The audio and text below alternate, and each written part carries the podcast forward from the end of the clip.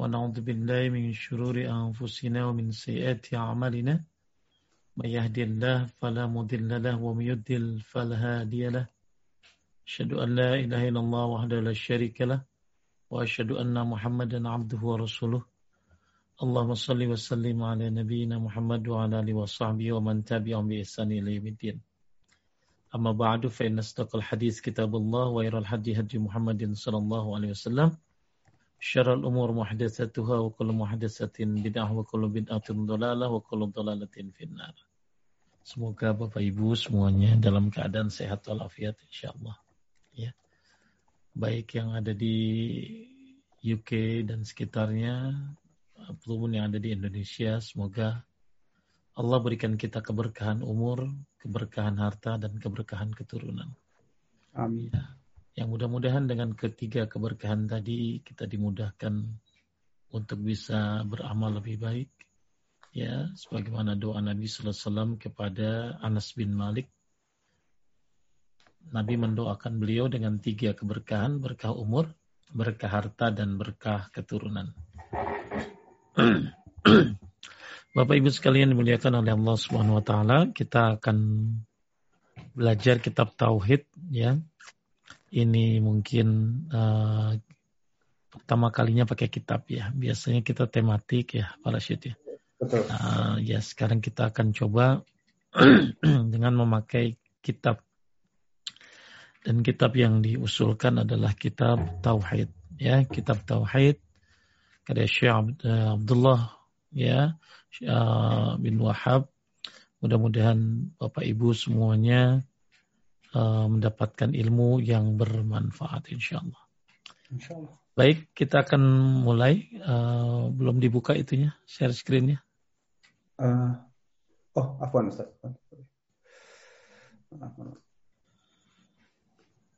Baik, silakan Ustaz. Oke. Ini ayat yang pertama.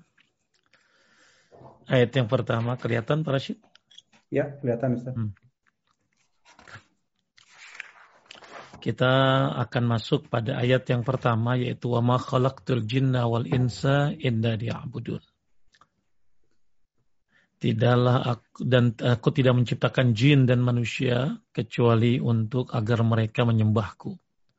Ini ayat pertama dalam kitab Tauhid. Aku tidak menciptakan jin dan manusia kecuali agar mereka menyembahku. Inilah tujuan kita diciptakan oleh Allah Subhanahu wa taala. Kita diciptakan oleh Allah bukan untuk main-main, tapi untuk ibadah. Maka niatkan apa yang kita kerjakan berniat ibadah. Malah kata Hasan al-Basri min alamati i'radillah 'anil abdi ayyaj'ala syughlahu fi ma ya'ni. Di antara tanda Allah berpaling dari manusia adalah ketika manusia itu banyak melakukan amal yang tidak manfaat. Maka pastikan yang kita lakukan sehari-hari adalah amal yang bermanfaat. Yang kita lakukan sehari-hari adalah amal-amal yang mendekatkan diri kepada Allah Subhanahu wa taala walaupun itu bersifat mubah ya. Bersifat mubah. Seperti olahraga kan mubah. Tapi kita niatkan untuk beribadah kepada Allah Subhanahu wa taala. Apa sih ibadah itu? Ya, apa makna ibadah? Boleh bantu para syed? Maaf. Arti ibadah secara bahasa adalah tunduk dan menghinakan diri serta khusyuk. Di dalam kamus Al-Muja'am Al-Wasis, ibadah artinya tunduk kepada Tuhan yang menciptakan. Ya, ini secara bahasa. Tunduk kepada Tuhan atau Rob yang menciptakannya. Ya, ini jadi kita diciptakan untuk ibadah. Pertanyaannya apa itu ibadah? Ya, ini ayat pertama yang ada di kitab Tauhid. Ya, apa itu ibadah? Ya, tunduk dan menghinakan diri serta khusyuk. Kalau di kamus, Mu'jam al-Wasit artinya tunduk kepada Tuhan yang menciptakan. Lanjut, Imam. Ya, Imam Al-Qurtubi berkata, asal ibadah ialah tunduk dan menghinakan diri. Nah, ini asal ibadah. Ya, lanjut. Ya, secara istilah, arti ibadah adalah sebagaimana perkataan Ibnu Katsir, ibadah adalah taat kepada Allah dengan melaksanakan hal-hal yang diperintahkan dan menjauhi hal-hal yang dilarang. Oke, ya. Secara bahasa tadi sudah kita pahami bahwa yang namanya ibadah itu ya tunduk kepada Tuhan yang menciptakan ya. Nah, sekarang secara secara istilah apa arti ibadah? Taat kepada Allah dengan melaksanakan hal yang akan diperintahkan dan menjauhi hal-hal yang dilarang. Ini pengertian ibadah secara istilah. Ibnu Taimiyah berkata, ibadah ialah suatu yang mencakup semua perkara yang dicintai dan diridhoi Allah. Berupa perkataan atau perbuatan yang nampak ataupun yang tidak nampak. Inilah ibadah. Lahir ataupun batin. Jadi kembali lagi saya ingatkan apa arti ibadah. Ialah sesuatu yang mencakup semua perkara yang dicintai dan diridhoi Allah apa pun hal-hal yang dicintai oleh Allah, diridhoi Allah, baik berupa perkataan atau perbuatan yang nampak ataupun tidak nampak, nah, itulah ibadah secara is, istilah. Kemudian ibadah terbagi menjadi tiga bagian. Ibadah terbagi menjadi tiga bagian. Ibadah hati, ibadah lisan, dan anggota badan. Berkaitan dengan hati, rasa boleh kan? Ya, rasa khauf atau takut, raja, mengharap, mahabbah atau cinta, tawakal, ketergantungan, rahbah, senang, dan rahbah, takut. Adalah ibadah kolbiah yang berkaitan dengan hati. Ah, jadi hati juga bisa ibadah. Ya. Bagaimana ibadah hati itu? Ya kita punya rasa takut sama Allah. Itu ibadah. Kita berharap kepada Allah. Itu ibadah. Ya sambil kita nunggu pertolongan Allah. Kapan COVID selesai? Kata Syekh. Ketika kita menunggu-nunggu pertolongan Allah, ah, itu bagian daripada ibadah. Ya, ketika kita cinta kepada Allah itu ibadah hati. Ya, tawakal, ya, senang, ya, rahbat, takut, rogbah dan rahbat takut, ya, senang dan takut. Ini adalah semuanya ibadah hati. Malah kalau Ibnu Taimiyah bagi ini masuk uh, kalau Ibnu Taimiyah membagi olahraga itu ada tiga. Satu olahraga badan. Gimana cara olahraga badan? Dengan cara uh, dengan cara berjalan ya wal harokah ya dengan cara berjalan atau bergerak bil masyi wal harokah atau kemudian kemudian Olahraga yang kedua adalah olahraga hati kata beliau. Apa berakhlak baik, ya eh, beradab itu olahraga hati. Kemudian olahraga yang ketiga olahraga pikiran apa mendalami sesuatu, membahas sesuatu, ya itu termasuk olahraga. Nah jadi memang ada pembagian-pembagiannya. Nah, termasuk dalam ibadah ada pembagiannya. Ya, Ibadah ada ibadah hati, ibadah lisan, dan ibadah anggota badan. Kalau ibadah lisan hati ya ini tadi, ya kita berharap kepada Allah, tawakal kepada Allah. Nah ini semuanya adalah ibadah. Termasuk tadi saya bilang ya, menunggu-nunggu pertolongan Allah itu termasuk ibadah.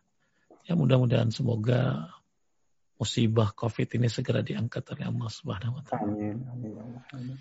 Kemudian ibadah lisan, ya seperti tasbih, tahlil, takbir, tahmid, syukur dengan lisan. Nah ini termasuk ibadah, ya termasuk ibadah. Ini sudah sering kita lakukan nih, ya. Kemudian ibadah dengan perbuatan, seperti apa sholat, zakat, haji. Nah itu termasuk ibadah dengan perbuatan, ya. Nah inilah uh, uh, tiga bagian ibadah. Kemudian pilar-pilar ibadah. Pilar-pilar ibadah. Kalau tadi macam-macam ibadah. Ibadah hati, ibadah lisan, ibadah perbuatan. Kemudian pilar-pilar ibadah yang benar. Sungguhnya ibadah itu berlandaskan pada tiga pilar pokok yaitu hub. Satu cinta. Ya. Dua khauf. Tiga roja. Ya. Nah, ini harapan. Jadi pilar-pilar ibadah itu punya tiang-tiangnya. Tiang yang pertama adalah cinta. Tiang yang kedua, pilar yang kedua adalah khauf, takut. Pilar yang ketiga adalah roja harapan. Lanjut Pak Rashid, rasa cinta. Rasa cinta harus disertai dengan rasa rendah diri. Sedangkan khauf harus dibarengi dengan roja. Dalam setiap ibadah harus terkumpul unsur-unsur ini. Ah ya, dalam setiap ibadah harus ada apa? Hub, khauf, roja. Ya. Jadi harus ada cinta, ya, harus ada rasa takut, ya, harus ada harapan. Inilah pilar-pilar ibadah. Sebagian salaf berkata, lanjut. Eh, sebagian salaf berkata, siapa yang beribadah kepada Allah dengan rasa cinta saja, maka ia adalah zindik. Ah, ya jangan kita ibadah karena cinta doang. Hmm. Ya, Kan ada orang kalau ibadah cinta doang modalnya. Ya, sampai-sampai dia bilang begini. Ya, kalau saya ibadah karena takut neraka, masukin aja saya ke neraka. Ya kagak boleh. Ya, jadi ada orang bilang begitu tuh. Kalau hmm. saya ibadah karena takut neraka, masukin aja saya ke neraka. Saya ibadah aja cinta. Orang Allah bilang ku anfusakum wa ahlikum nara jauhkan dirimu dan keluargamu dari api neraka. Disuruh kita takut sama neraka. Ya, banyak ayat-ayat ya perintah untuk kita menjauh dari api neraka. Salah satunya puasa tujuannya apa? Menjauhkan diri dari api neraka.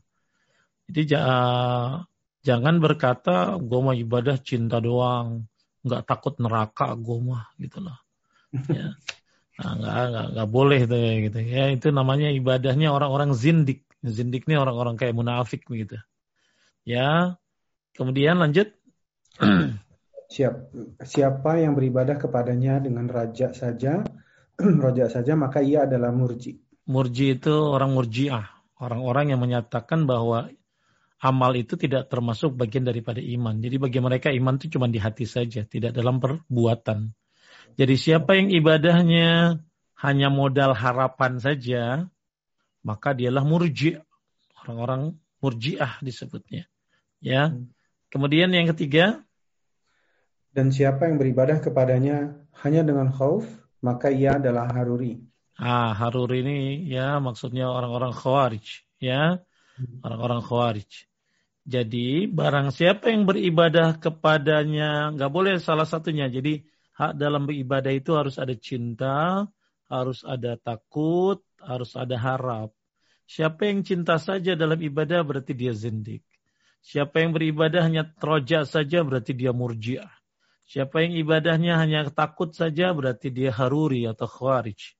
Ya. Hmm. Nah, barang siapa yang beribadah kepada Allah dengan apa?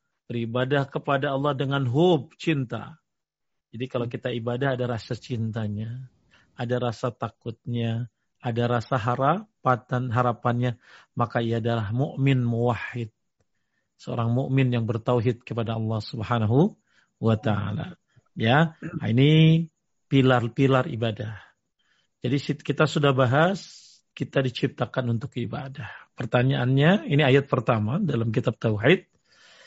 Sampai kapan kita ibadah? Ya tentu sampai mati. Ya, sampai mati kita ibadah. Ya Allah berfirman wa'bud rabbaka hatta ya'tiyakal yakin.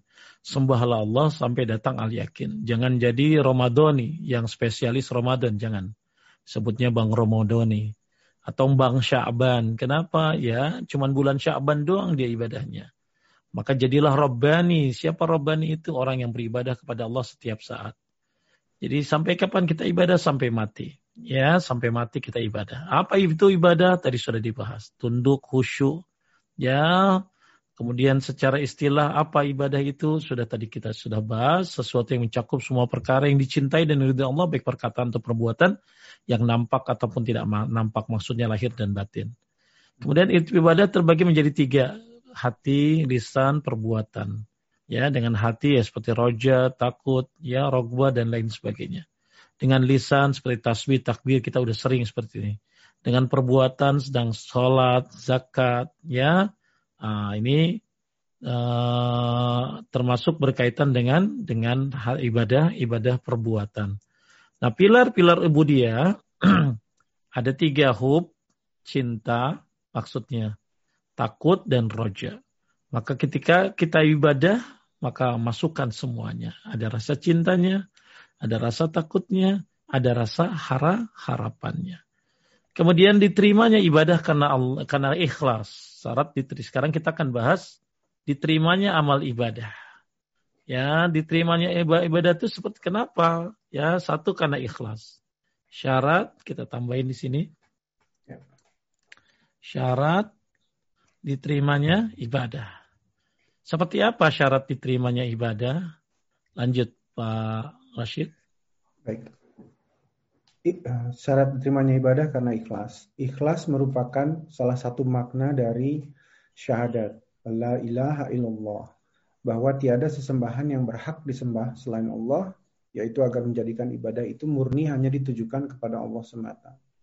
Allah berfirman, "Wa ma umiru illa liya'budullaha mukhlishina lahuddin, hunafa wa yuqimus salata wa yu'tuz zakata wa zalika dinul qayyimah." Ini ayat-ayat yang menceritakan kita disuruh ibadah dengan memurnikan ketaatan kepadanya. Ya, ini artinya surat Al-Baqarah ayat 5.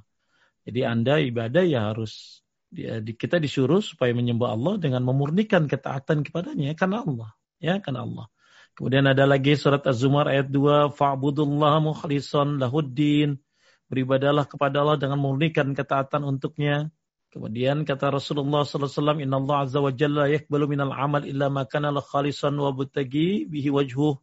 Sungguhnya Allah tidak menerima suatu amal perbuatan kecuali murni dan hanya mengharap ridha Allah. Ini jadi diterimanya amal ibadah itu karena apa? Satu karena ikhlas. Ya, karena ikhlas. Ini syarat diterimanya amal. Ya, ini dalil-dalilnya. Nah sekarang ikhlas itu apa? Ikhlas itu apa? Lanjut Pak Rashid. Nah, kemudian ulama ulama ulama berbeda pendapat tentang definisi ikhlas. Uh, Ada yang berpendapat? Ya, ikhlas adalah memurnikan tujuan untuk mendekatkan diri kepada Allah atau mengesahkan Allah dalam beribadah kepadanya atau pembersihan dari pamrih kepada makhluk. Ah, ini ikhlas. Jadi memurnikan tujuan untuk Allah. Ya, bukan untuk pamrih, ya, bukan untuk nyari followers ibadah mah. Ya, bukan untuknya eh, ibadah ya. Ini aja ibadah ya hanya untuk Allah, ya untuk Allah. Kita lihat pendapat-pendapat ulama salaf tentang isman, eh, ikhlas. Abu Usman berkata ikhlas yang malah melupakan pandangan makhluk dengan selalu melihat kepada Khalik. Nah ini paling gampang nih Pak Rashid. Kalau ada yang nanya, ikhlas itu apa sih? Melihat melihat Khalik, melupakan makhluk. Itu paling gampang. Melihat Khalik, melupakan makhluk. Karena kadang-kadang orang kalau ibadah ya lihat makhluk kan. Kalau kadang kagak ngadain apa kata orang gitu kan kadang-kadang orang begitu tuh ya hmm, nanti kita dianggapnya apa kan gitu loh. Banyak orang melakukan sesuatu itu terpaksa. Ya, padahal syariat ini sangat mudah gitu ya. Jadi kata Abu Usman, beliau berkata ikhlas ialah melupakan pandangan makhluk dengan selalu melihat kepada Khalik. Nah, itu paling paling gampang kalau ibu-ibu bingung ikhlas tenawonnya ya. ya. Ada orang mengartikan ikhlas dengan sesuatu yang jorok ikhlas itu kayak kita buang kotoran pagi-pagi nah nggak ada yang mau balikan nah itu nah, itu ya itu mah jorok atuh begitu mah ya ya ikhlas ialah melupakan pandangan makhluk dan melihat kepada Khalik ya ini paling gampang karena kadang-kadang manusia ya pengennya lihat makhluk ya maka malah kata Zunun al-Misri uh, ikhlas itu tidak bertambah kalau dipuji dan tidak berkurang kalau dihina Ikhlas itu tidak bertambah kalau dipuji dan tidak berkurang kalau dihina. Dipuji, wih bagus ya, mantep ya, nggak nambah, ya nggak nambah, ya. Ada lagi yang ngapain, yang hina, kagak kendor gitu loh, ya. Begitu ada yang unlike langsung kepikiran, ya. Begitu ada yang apa left dari grup kepikiran, kedai. Jadi Uh, tidak bertambah kalau dipuji, tidak berkurang kalau dihina. Nah, itu pendapat yang lain. Ya, jadi ini suatu hal yang mudah nih. Ya, nanti akan kita bahas semuanya. Lanjut Kang. Abu Huzaifah. Abu Huzaifah berkata, ikhlas adalah kesesuaian perbuatan seorang hamba antara lahir dan batin. Ah, ikhlas tuh. Lahir batin cocok deh tuh. Ya. Hmm. Jangan dilahir kayaknya Apa kabar Cin? Sehat. Uh, mukanya semberingah banget ya. Di hati mah kehead ya. Astagfirullah ya. ya. Ikhlas ya. Kesesuaian antara muka sama lahir sama batin yang sesuai ya tuh. Ya, lanjut. Ya, Abu Ali Fudail, Fudail bin Iyaz berkata, meninggalkan amal karena manusia adalah ria. Dan beramal karena manusia adalah syirik. Dan ikhlas ialah apabila Allah menyelamatkanmu dari keduanya parasit pengen ke masjid lalu di, dikata ini soleh banget lu yuh, so belagu lu ini kagak jadi itu ria namanya oh, gitu. jadi ria itu bukan hanya beramal karena orang tapi tidak jadi beramal karena orang oh. ya jadi kalau kita kita udah bener nih mau melakukan sesuatu lalu ada yang komen kan ada aja yang di mana mana yang komen pasti ada weh gitu loh ya hmm. ya makanya ridho nas goyetan latudruk yang namanya nyari ridho manusia nggak bakalan dapat. Yang namanya nyari ridho manusia nggak bakalan dapat. Karena manusia ada yang pro, ada yang kontra. Maka ketika kita mau beramal soleh, kemudian ada yang ngatain, ada yang kagak jadi. Itu dia kata Fudel bin. Ya, tapi kalau kita beramal karena manusia ya berarti syirik. Ya, maka ikhlas apa? Apabila Allah menyelamatkanmu dari keduanya. Dari ria dan dari syirik. Ya, Nah, ini definisi yang bagus dari Abu Ali Fudail bin Iyad. Ya, lanjut Kang. Baik, sekarang eh, ya Imam Sufyan Sauri berkata, tidaklah aku mengobati sesuatu yang lebih berat daripada mengobati niatku, sebab ia senantiasa berbolak-balik. Betul Kang? Bu, niatnya bolak-balik wae, kadang ikhlas, kadang kagak. Ya, makanya kenapa kita butuh doa ya mukali bal qulub sabit kalbi ala dinik. Ya musarrif al qulub sabit. Ya musarrif al qulub sarrif qulubana ala ta'atik. Rabbana la tuzigh qulubana ba'da iz hadaitana wa hab lana min ladunka rahmah. Innaka antal wahhab. Butuh kita doa. Ya kenapa? Karena hati itu selalu berbolak-balik lanjut Kang Yahya bin Abi Kasir berkata belajarlah niat karena niat lebih penting daripada amal Nah, niat lebih penting daripada amal. Maka kalau kita mau beramal, lurusin dulu niatnya. Dah. Apalagi mau menuntut ilmu kayak begini nih. Ya, hmm. menuntut ilmu kayak begini, yang ngajar, yang belajar, nurusin niatnya. Nurusin niatnya. Yang ngajar nggak perlu lihat berapa jumlahnya. Ya, yang ngajar nggak perlu lihat berapa jumlahnya. Syekh bin Bas, Syekh bin Bas kan ulama besar. Waktu ngajar di Riyadh, lima tahun dia ngajar yang hadir cuma 10 orang. Itu lama besar itu. Ya. Ya.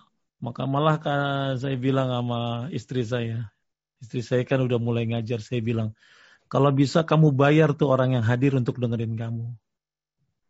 Kalau bisa kamu bayar mereka untuk maka istri saya suka bilang kalau habis ngaji, makasih ibu sudah mendengarkan saya.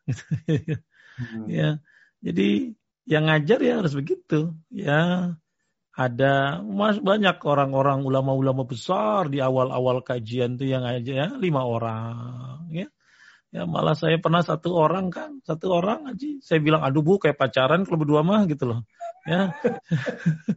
Cari deh temennya satu lagi. Dia akhirnya dia cari keluar dia tarik tarik ke ibu ibu temenin saya temenin saya. Ya. Jadi belajarlah niat ya niat. Makanya kenapa orang bisa dakwah dimulai belajar itu dimulai dari niat yang baik. Ya, dimulai dari niat yang baik. Maka insya Allah makanya kalau kita ikhlas, maka kata Syekh Fauzan, beliau berkata, ahli sunniyah, ikhlaskan niatmu.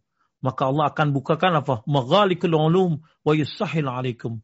Allah akan bukakan kunci-kunci ilmu. Allah akan mudahkan untuk kamu. Ya, maka kata Syekh Utsaimin, Ya, niat itu amruha azim wa sya'n wa khatir. Urusan niat ini berabe. Ya, berabe urusan niat ini. Amruha azim perkaranya besar. Wa sya'nuha khatir dan mengkhawatirkan. Makanya gara-gara niat orang bisa naik ke atas, gara-gara niat dia bisa jatuh ke bawah.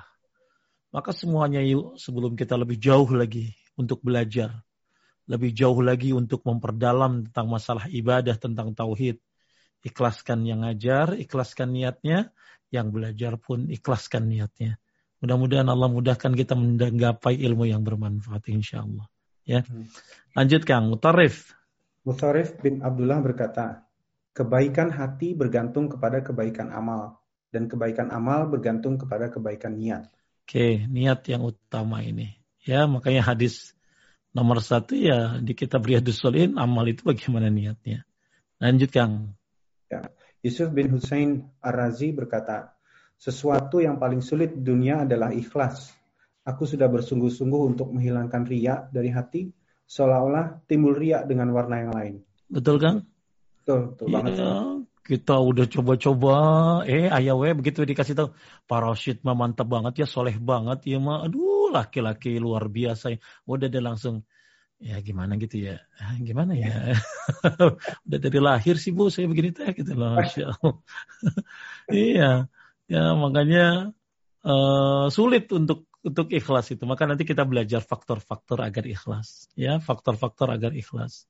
Ya, orang ini Yusuf bin Husain Ar-Razi sudah bersungguh-sungguh menghilangkan ria dari hati seolah-olah timbul ria dengan warna yang lain. Lanjut Kang Ibnu Qayyim. Ibnu Qayyim Al-Jauziyah berkata, ikhlas adalah memurnikan amalan dari segala kotoran. Maksudnya tidaklah amalannya tercampuri dengan kotoran-kotoran kehendak jiwa, baik berupa keinginan dilihat manusia mengharapkan pujian mereka, atau mencari pengagungan, harta, dan lain-lain dari kotoran penyakit. Inti semua itu adalah menghendaki tujuan selain Allah dalam amalannya, apa pun bentuknya. Ya, ini menurut saya paling lengkap nih Ibnu Qayyim nih. Ngasih makna tentang ikhlas, ya ya munikan amalan dari kotoran, dari kehendak jiwa, ya, dari ingin dilihat, ya, dari pujian, ini pengagungan dan lain sebagainya. Yang ada ulama salaf bilang orang yang yang niatnya jelek itu kayak kayak mengembara bawa bekal tapi bolong gitu loh ya bolong hmm. tasnya ya walhasil begitu sampai sana gak ada apa-apa isinya gitu ya kosong dia naudzubillah min zalik Kemudian ada pula yang mengatakan ikhlas adalah membersihkan amalan dari perhatian manusia. Ada pula yang menivisikan dengan memurnikan hak, hak, Allah dengan tujuan niat ketika mengerjakan ketaatan. Ya banyak ya definisi ikhlas. Tapi di antara semua ini silakan Bapak Ibu ambil yang paling gampang. Yang paling gampang ini nih melupakan makhluk melihat khalik. Ya, kalau mau ibadah lihat makhluk, jangan lihat khalik, lupakan makhluk. Kalau makhluk makan kadang-kadang ya, kalau makhluk mah suka banyak komentar. Akang jualan di pasar, tulis di sini jual ikan segar. Emang beres selesai? Enggak. Datang orang ibu-ibu bilang, Akang, emang Akang jual ikan bangke? Dah kan ikan segar di sini mah. Namanya juga pasar segar gitu loh. Nah, ini dihapus deh tuh pelangnya sama Akang. Di sini jual ikan segar dihapus, jadi di sini jual ikan. Selesai nggak selesai. Manusia masuk ke komentar we yang ada tuh netizen teh. Ya, uh, ya akang kan di sini bukan di sono jualannya, dibilangin lah di sininya. Jadi tinggal jual ikan. Datang lagi orang ketiga, ya namanya juga jualan, Kang masa bagi-bagi, dihapuslah jualnya tinggal ikan gitu loh. Datang lagi orang terakhir, ya namanya juga pasar ikan, Kang, ya udah ini nggak usah pakai plang dah, nggak usah pakai nggak usah Makanya penting untuk melihat khalik dan melupakan makhluk. Ya, apalagi di era sosmed kayak begini, masya Allah. Orang supaya tenar nyari follower tuh kayak apa coba?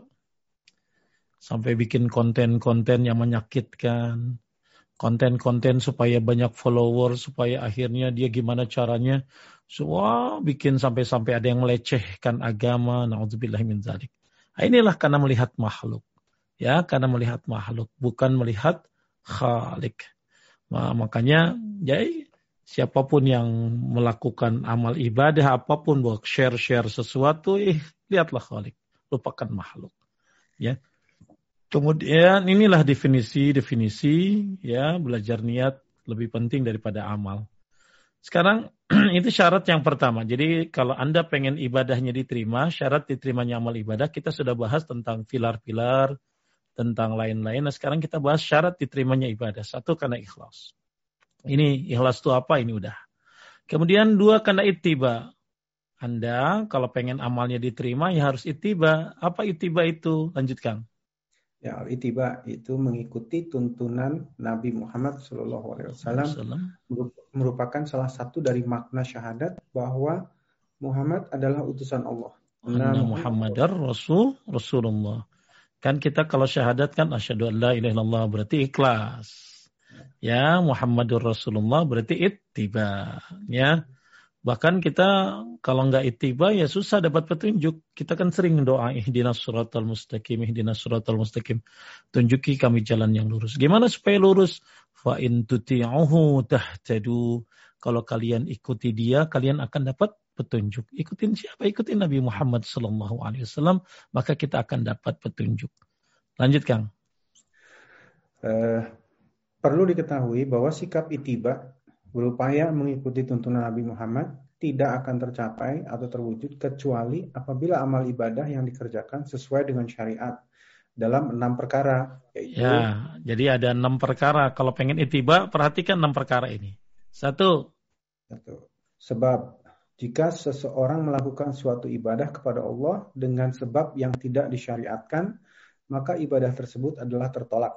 Contohnya, ada orang melakukan sholat tahajud khusus pada malam 27 Rajab dengan dalih bahwa malam itu adalah malam malam Isra Mi'rajnya Nabi Muhammad.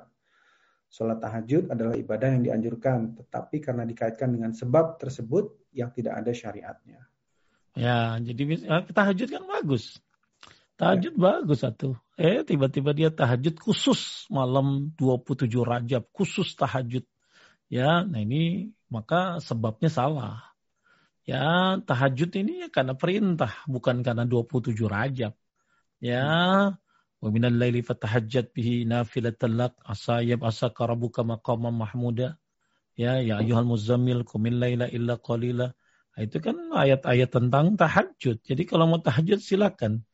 Coba Kang Rashid baca Quran bagus nggak Kang Rashid? Belum, Ustaz. Belum. Baca Quran bagus nggak?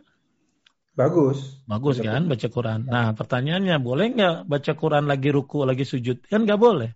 Boleh ya. Nggak boleh ya. orang lagi ruku baca Al-Quran. Nggak boleh orang lagi sholat sujud baca Al-Quran nggak boleh. Ada yang bilang batal, ada yang bilang tidak batal, tapi makruh sholatnya dan dia harus sujud sahwi. Ya jadi baca Quran itu bagus, tapi kalau ditempatkan pada tempat yang salah ya salah tuh. Ya, nah, maka ketika kita belajar tentang syarat diterimanya amal ibadah ada dua. Satu ikhlas, dua adalah ittiba. Ya. Nah, ittiba itu ada enam, enam perkara, satu sebabnya. Jadi tatkala ada orang melakukan ibadah, ya misalnya dia habis berbuat dosa, sholat taubat, boleh nggak Kang? Boleh, boleh dong, ya kan ada sebabnya, ya ibadah. Ya mau sholat ke duhur, kobliyah dulu, boleh kan ada sebabnya. Ya, kemudian uh, ada orang mau apa, habis sholat, habis tawaf, kemudian dia sholat sun, sunnah di makam Ibrahim, boleh ada sebabnya. Ya, tapi kalau ada orang sholat tahajud khusus sebabnya karena Isra Mi'raj ya nggak boleh. Ya, jadi tahajud ini dia bersifat umum sila ini perintah Allah ya perintah Allah.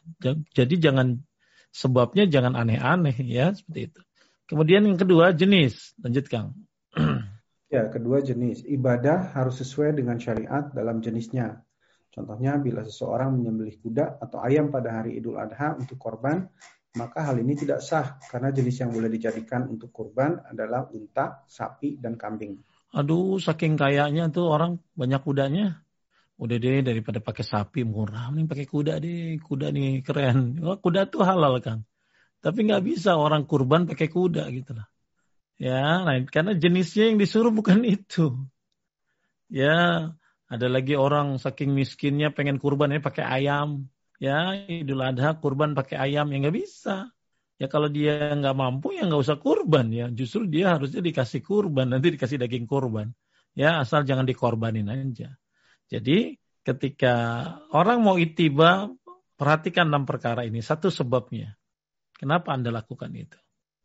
Ya, jangan ikut-ikutan kalau ibadah mah tuh. Eh, ya itu apa kan gua ngikut-ikutin aja gitu loh. Ya. Nah, kedua jenisnya. Ketika kita itiba jenisnya. Ya, yang diperintahkan jenis apa? Ya udah jenis ya pakai, ya. Kemudian bilangannya lanjutkan. Nah, eh, bilangan. Kalau ada yang menambah rokaat sholat yang menurutnya hal itu diperintahkan, maka sholatnya itu adalah bid'ah dan tidak diterima oleh Allah. Jadi apabila ada orang yang sholat zuhur lima rakaat atau sholat subuh tiga rakaat dengan sengaja, maka sholatnya tidak diterima oleh Allah karena tidak sesuai dengan tuntunan Nabi Muhammad SAW. Ah, jangan ngarang, ya, jangan ngarang subuh tiga nggak boleh, ya. Ya boleh. Nah ini jadi perhatikan adatnya, bilangannya. Kemudian tata caranya, seandainya ada orang berbudu basuh kaki lebih dulu, baru kemudian muka, maka wudhunya tidak sah karena tidak sesuai dengan tata cara yang disyariatkan oleh Allah dan Rasulnya. Kemudian waktunya, apabila ada orang menyembelih kurban sebelum sholat idul adha, mengeluarkan zakat fitri sesudah hari raya idul fitri, ya melaksanakan sholat fardu sebelum masuk waktu atau keluar waktu misalnya akang saking tobatnya gitu duhur jam 10 pagi. Ya nggak boleh. Ya jadi kalau itiba itu ada apa waktunya? Jangan ngarang sholat mah lebih baik akhir waktu daripada belum masuk waktu. Ya yang tepat ya awal waktu. Tapi ada orang sholatnya belum masuk dia udah sholat yang nggak sah. Ya jadi ada waktunya. Ya zakat ada waktunya. Ya sembelih idul adha ada waktunya ya kemudian uh, ini semua waktu-waktu ada dalam syariat ini ya menjeliwihan kurban dimulai setelah hari raya Idul Adha ya sampai terbenam matahari tanggal 13 Julhijjah. Kemudian tempatnya, lanjut Kang. Ya tempat apabila ada orang menunaikan ibadah haji di tempat selain Baitullah Masjid, Masjidil Haram di Mekah atau melakukan itikaf di tempat selain masjid seperti di kuburan, gua dan lain-lain maka tidak sah haji dan itikafnya. Sebab tempat untuk melaksanakan ibadah haji adalah di Masjidil Haram saja dan ibadah itikaf tempatnya hanya di dalam masjid. Misalnya Akang ya pergi ke, Me ke Mekah karena Akang pakai jalur khusus nggak pakai ke Madinah. Akang pergi ayahnya jalanin haji dari tanggal berapa? 8, 9, 10, 11, 12, 13 Akang balik nggak ke Madinah. Sah nggak Kang? Sah. Karena haji adanya di mana? Di Mekah. Di Mekah. Ya. Ya, karena haji adanya di Mekah. Itikaf. Ini di masjid. Nggak bisa. Garis mana lu? dari gua itikaf. Iya, itikaf di gua. ya. Dan kan kemarin ada Kang orang itikaf tapi online. Di rumah. Itikaf online katanya. Lu ngaji online iya.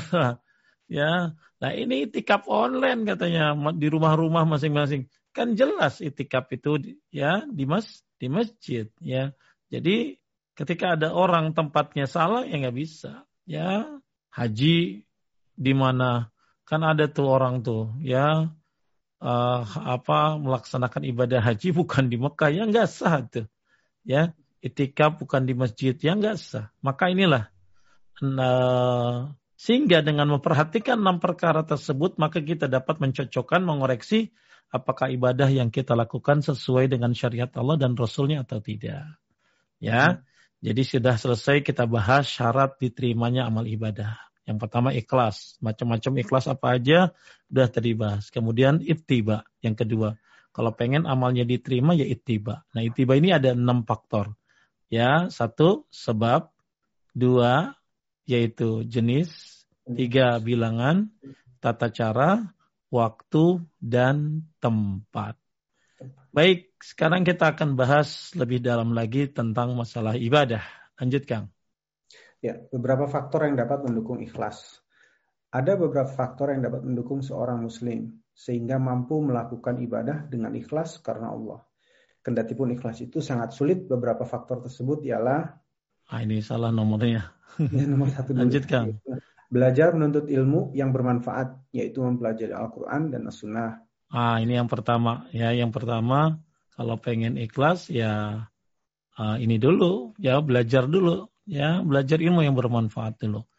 Karena uh, orang yang menuntut ilmu ini, ya, ketika dia ketika dia menuntut ilmu, masya Allah, ya dia akan tahu bagaimana cara beramal yang benar bahkan hati yang mati bisa hidup. Ya, maka sebagian oleh sebutkan oleh ulama salaf kama anna al-ghais yuhyi balad al-mayyit wa kadzalika ulumuddin yuhyi al-qalb al-mayyit. Ketika hujan bisa menghidupkan bumi-bumi yang mati. Begitupun dengan ilmu. akan menghidupkan hati-hati yang mati. Maka mudah-mudahan pada malam ini kita semuanya dengan niat yang ikhlas, Allah hidupkan hati-hati kita yang mati. Ya Allah ampunkan dosa-dosa kita dengan menuntut ilmu ini. Maka penting untuk mengikhlaskan niat kita. Nah, apa yang mendukung seorang bisa ikhlas? Yang pertama adalah belajar, ya belajar. Karena belajar ilmu yang manfaat apa? Gitu belajar Quran dan Sunnah, ya Sunnah yang sahih tentunya. Nah, ini paling penting, ya Bahkan orang yang belajar itu dia akan hidup walaupun mati. Tapi orang yang bodoh dia mati walaupun dalam keadaan hidup. Maka hmm. penting menuntut ilmu syar'i ini. Jangan ya, aduh susah waktu. Waktu mah cuma bisa dipaksain. Waktu mah cuma bisa dipaksain. Kalau nggak bisa dipaksain, karena jiwa ini males, maunya rebahan baik jiwa teh. Maunya gampang-gampang baik, ya maunya yang nyantai-nyantai maka menuntut ilmu akan mendukung seorang untuk ikhlas. Ketika dia makanya kata ulama ulama salaf jangan remehkan datang ke majlis ta'lim itu. Jangan remehkan mendengarkan tausiah-tausiah. Bisa jadi dia dia datang dalam keadaan berdosa dan pulang dalam keadaan hilang dari dosa-dosanya. Maka menuntut ilmu ini bisa menjadi faktor utama pendukung keikhlasan seseorang. Kalau kita tahu sebabnya ria akan begini-begini, udah ngeri. Aduh, ikhlas deh, ikhlas deh. Ikhlas deh, ikhlas deh ya. Nah, ya kalau kita tahu dari mana dia tentang ria, ya dari ilmu tuh, menuntut ilmu. Kalau dia tahu kalau sedekah diomong-omongin akan jadi hilang, ah dia jadi nggak berani kan tuh. Makanya ini faktor yang utama mendukung keikhlasan seorang. Lanjut Kang, yang kedua. Yang kedua, berteman dengan orang-orang soleh ini termasuk faktor yang dapat mendorong keikhlasan. Berteman dengan orang-orang yang soleh dapat memotivasi diri untuk mengikuti jejak dan tingkah laku mereka yang baik, mengambil pelajaran dan mencontoh akhlak mereka yang baik. Rasulullah SAW memberikan perumpamaan tentang sahabat yang baik dan yang tidak baik dengan sabda beliau, yang artinya sesungguhnya perumpamaan, perumpamaan teman yang baik dan teman yang buruk ialah seperti pembawa minyak wangi dan peniup tungku api atau pandai besi. Pembawa minyak wangi bolehlah, boleh jadi akan memberimu, bisa jadi kamu akan membeli darinya, dan kalau tidak, kamu akan mendapatkan bau harum darinya. Sedangkan peniup tungku api, boleh jadi akan membakar pakaianmu, dan bisa jadi engkau mendapatkan bau yang tidak sedap darinya. Masya Allah, makanya teman penting. Makanya di surat Al-Furqan 27, 28, 29 salah satunya tuh orang masuk neraka gara-gara teman tuh. Maka teman ini penting untuk menjadikan sebab kita ikhlas berteman dengan mereka. Ya saya ada grup namanya Zayan TV. Ya ibu-ibu di Zayan TV ada di saya itu kalau ketemu ya kadang-kadang melihat mereka orang-orang yang ikhlas ya orang-orang yang berjuang masya Allah ya belajar belajar dari mereka ya belajar dari mereka kadang-kadang mungkin secara kasat mata saya ngajar tapi kadang-kadang saya belajar dari mereka ya keikhlasan perjuangan ya dan lain sebagainya. Makanya kalau kita berteman dengan teman-teman yang baik, maka kalau kayak tukang minyak wangi, kalau nggak dibeli ya kita dapat wanginya.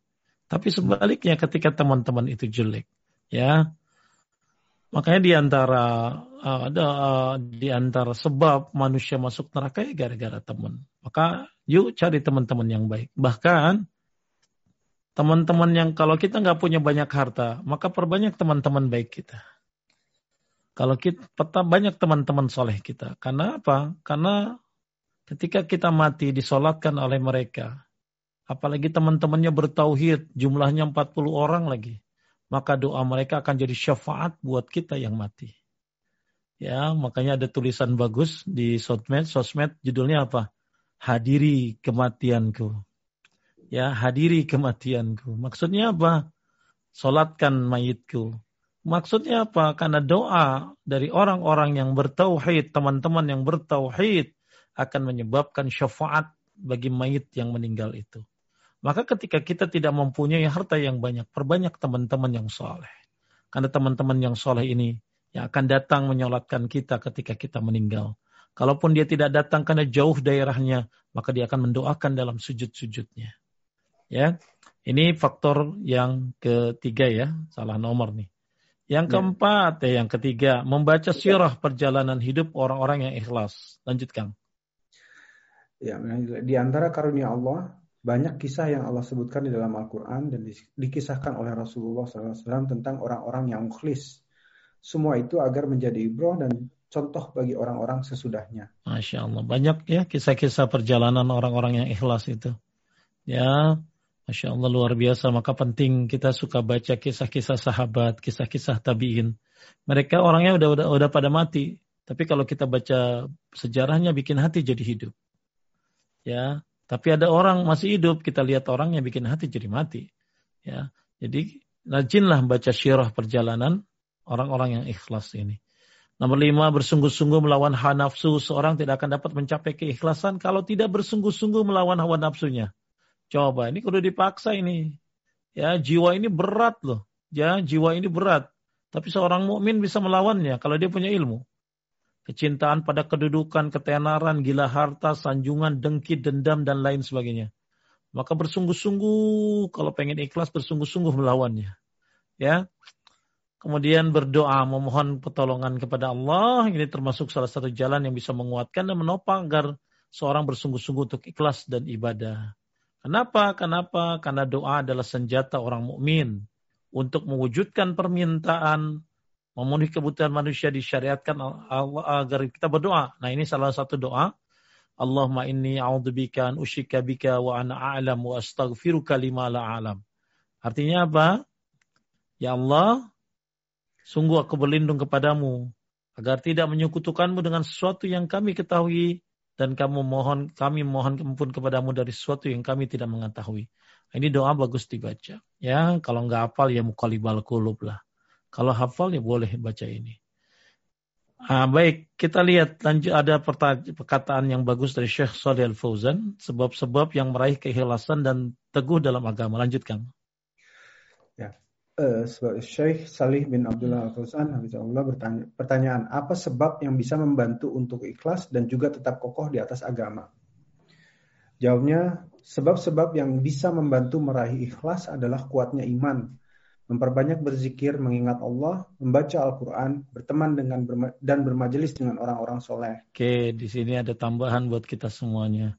Kalau pengen nambah ikhlas, maka kuatkan imanmu. Ya, gimana nak kuatin iman? Salah satunya memperbanyak zikir, mengingat Allah, baca Quran.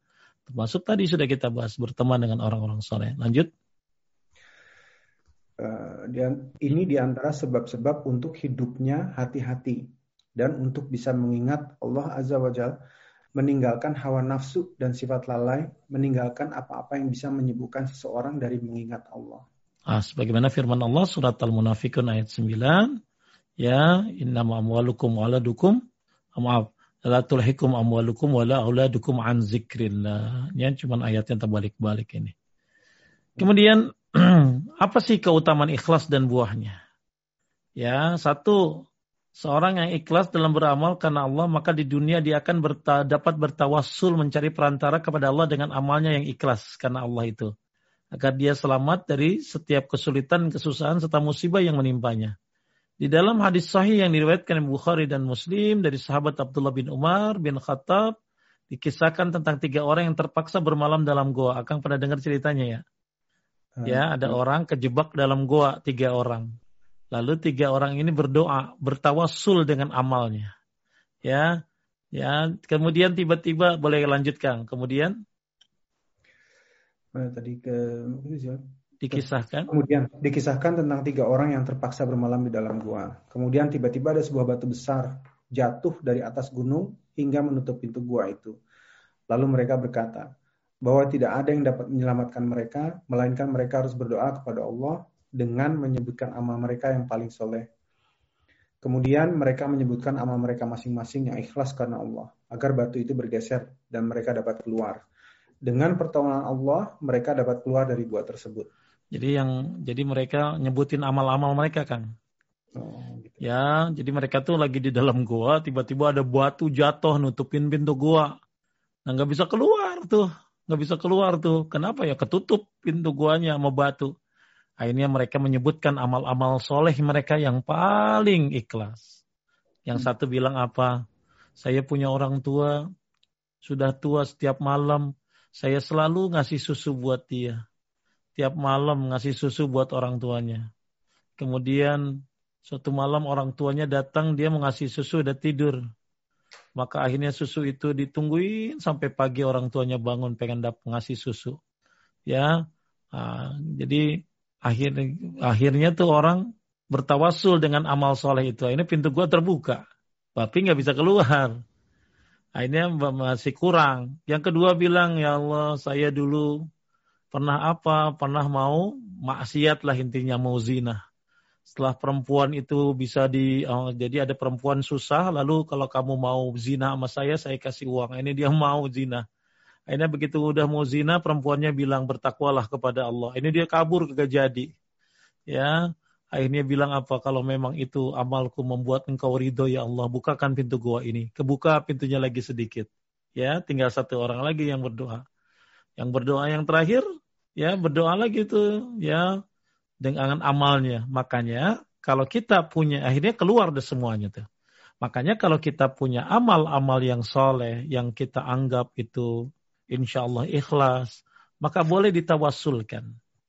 Ya, minta kepada Allah. Ya Allah, saya pernah ngurusin orang tua saya selama puluhan tahun. Insya Allah ikhlas mengharapkan ridhomu ya Allah.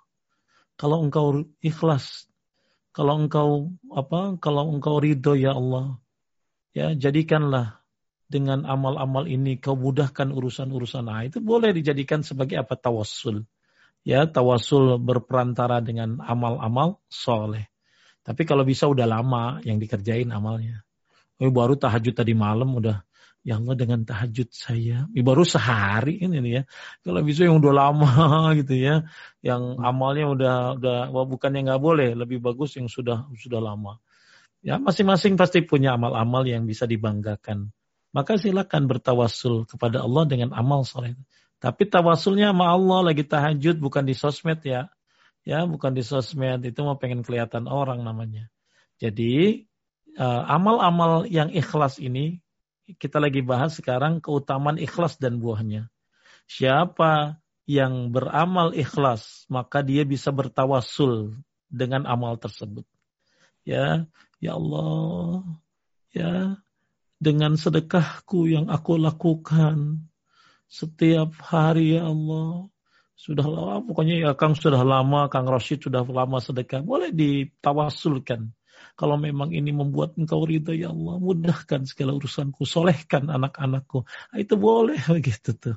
Ya, itu tawasul dengan amal soleh amal yang soleh, amal yang ikhlas. Lah kalau amal ece-ece kagak bisa, ya. Amal yang ikhlas, ya.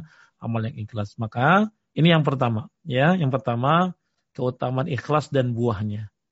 Seorang yang ikhlas beramal soleh di dunia dapat bertawasul mencari perantara kepada dengan amal ikhlasnya tersebut. Yang kedua, lanjutkan. Baik. Nah, kedua, selamatnya Nabi Yusuf dari godaan wanita yang akan menjerumuskannya pada perzinaan disebabkan pertolongan Allah dan keikhlasannya. Allah berfirman yang artinya, sesungguhnya wanita itu telah bermaksud untuk melakukan perbuatan itu dengan Yusuf. Dan Yusuf pun bermaksud melakukan pula dengan wanita itu. Andaikan dia tidak melihat tanda dari robnya, demikianlah agar kami memalingkan daripadanya kemungkaran dan kekejian Sesungguhnya Yusuf itu termasuk hamba kami yang terpilih. Ya, ya Nabi Yusuf Allah selamatkan. Makanya Yusuf maunya bapaknya soleh. Ya, oh, kakeknya soleh. Coba keluarga terbaik itu keluarga Yusuf kan. Yusuf tuh bapaknya Nabi, kakeknya Nabi, uyutnya juga Nabi. Siapa bapaknya Yusuf? Yakub. Siapa kakeknya Yusuf? Ishak. Siapa uyutnya Yusuf? Ibrahim. Itu keluarga terbaik tuh. Ya, kalau kita kan di atas kita, ya, di atas kita, di atas kita, ya mungkin baru baru baru kita doang yang hijrah gitu loh. Ya makanya Alhamdulillah kalau kita punya bapak orang tua yang soleh, masya Allah, ya sudah bertauhid, luar biasa. Mudah-mudahan bapak orang tua kita ya diberikan banyak ilmu yang bermanfaat di akhir hayatnya, ya khususnya ilmu tauhid. Ini Nabi Yusuf selamat ya dari godaan wanita karena karena ternyata beliau adalah hamba pilihan Allah. Belum lagi doa-doa dari orang tua dan lain sebagainya. Ya. Kemudian seorang gulam pemuda yang mukmin dengan keikhlasannya dan pertolongan dari Allah yang mendapatkan kedudukan yang besar di sisi Allah yaitu dengan berimannya sebagian besar rakyat dengan kematiannya. Ya ini panjang ceritanya nih Kang. Jadi ceritanya ada orang uh, dakwah sama raja. Ya namanya Zunnuas rajanya. Akhirnya rajanya ini pengen banget tuh bunuh anak muda itu, tapi nggak bisa-bisa. Ya dibawa ke gunung ya.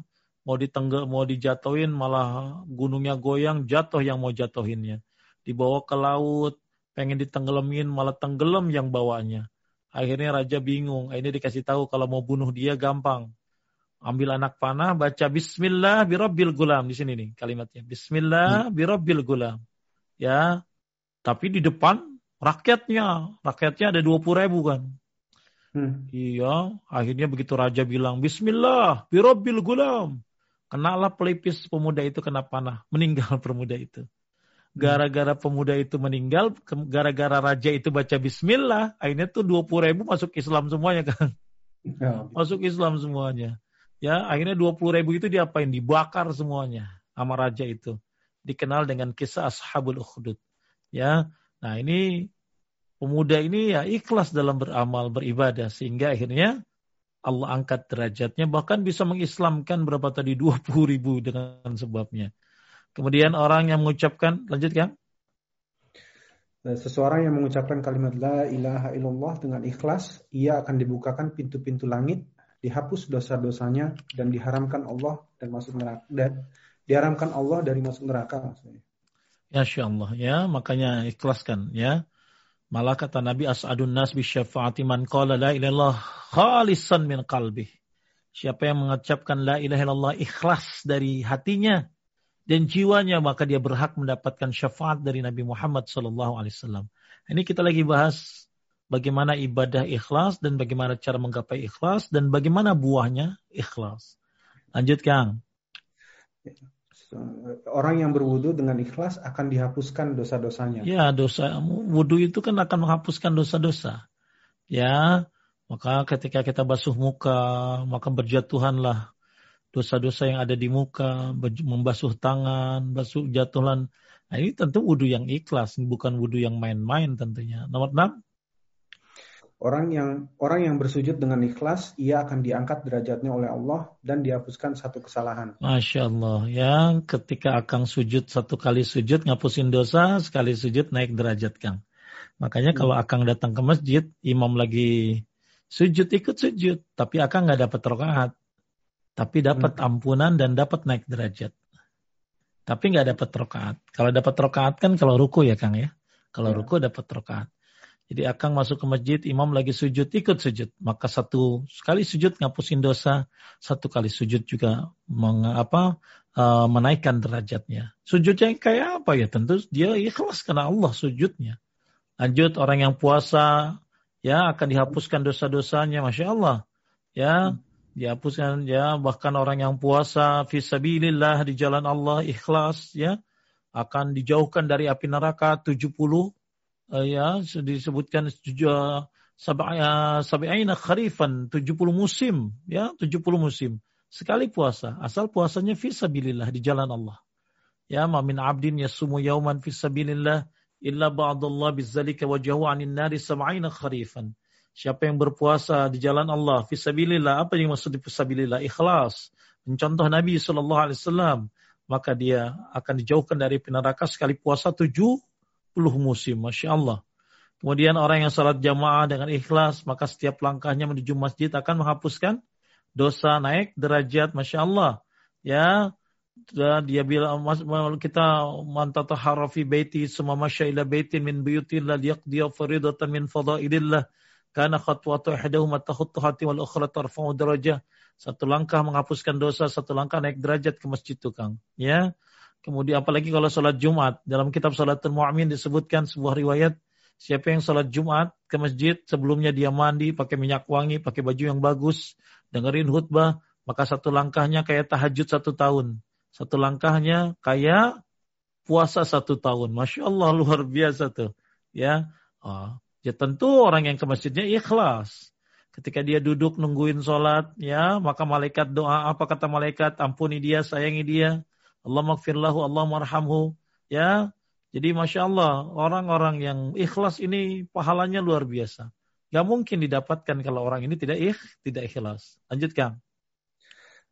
Nomor sembilan ya. Orang yang ikhlas dalam bersodakoh, ia termasuk tujuh golongan yang akan mendapatkan perlindungan dari Allah pada hari kiamat kelak. Iya, lanjut. Sepuluh. Orang yang ikhlas membangun masjid, maka ia akan dibangunkan rumah di surga. Walau masjidnya sekecil kandang burung. Iya, lanjut. Orang yang tawadu dengan ikhlas karena Allah, ia akan diangkat derajatnya oleh Allah. 12. Eh, Ada tiga perkara yang menjadikan hati seorang mukmin tidak menjadi seorang khianat yaitu ikhlas beramal karena Allah, memberikan nasihat yang baik kepada pemimpin kaum muslimin, dan senantiasa komitmen kepada jamaah kaum muslimin. Baik. Kemudian ya inilah riwayat-riwayat uh, tambahan umat ini ada lagi nomor 13. Umat ini akan ditolong oleh Allah dengan orang yang lemah karena keikhlasan mereka. Tuh ya. Jadi umat ini akan ditolong oleh Allah dengan orang yang lemah karena keikhlasan mereka. Ya, kenapa? Ya, karena Rasulullah SAW sungguhnya Allah menolong umat ini dengan orang yang lemah, dengan doa dan salat dan keikhlasan mereka. Ya, jadi Masya Allah, kita terima kasih sama orang-orang yang lemah yang mendoakan kita. Ya, kemudian orang ikhlas akan ditolong oleh Allah dari penyesatan iblis. Bagaimana Al-Quran surat surat 8283. Orang ikhlas akan ditambah petunjuk. Al-Kahfi 13. Orang yang berzikir dengan ikhlas sesuai dengan sunnah akan diberi ketenangan hati. Masya Allah. Inilah Eh, buah-buah uh, dari ke keikhlasan. Ya. Kemudian kita akan bicara penyempurna amal ibadah. Penyempurna amal ibadah. Satu berpegang teguh, ya, berpegang teguh kepada ibadah, ya. Maksudnya istiqomah, ya, istiqomah dalam ibadah.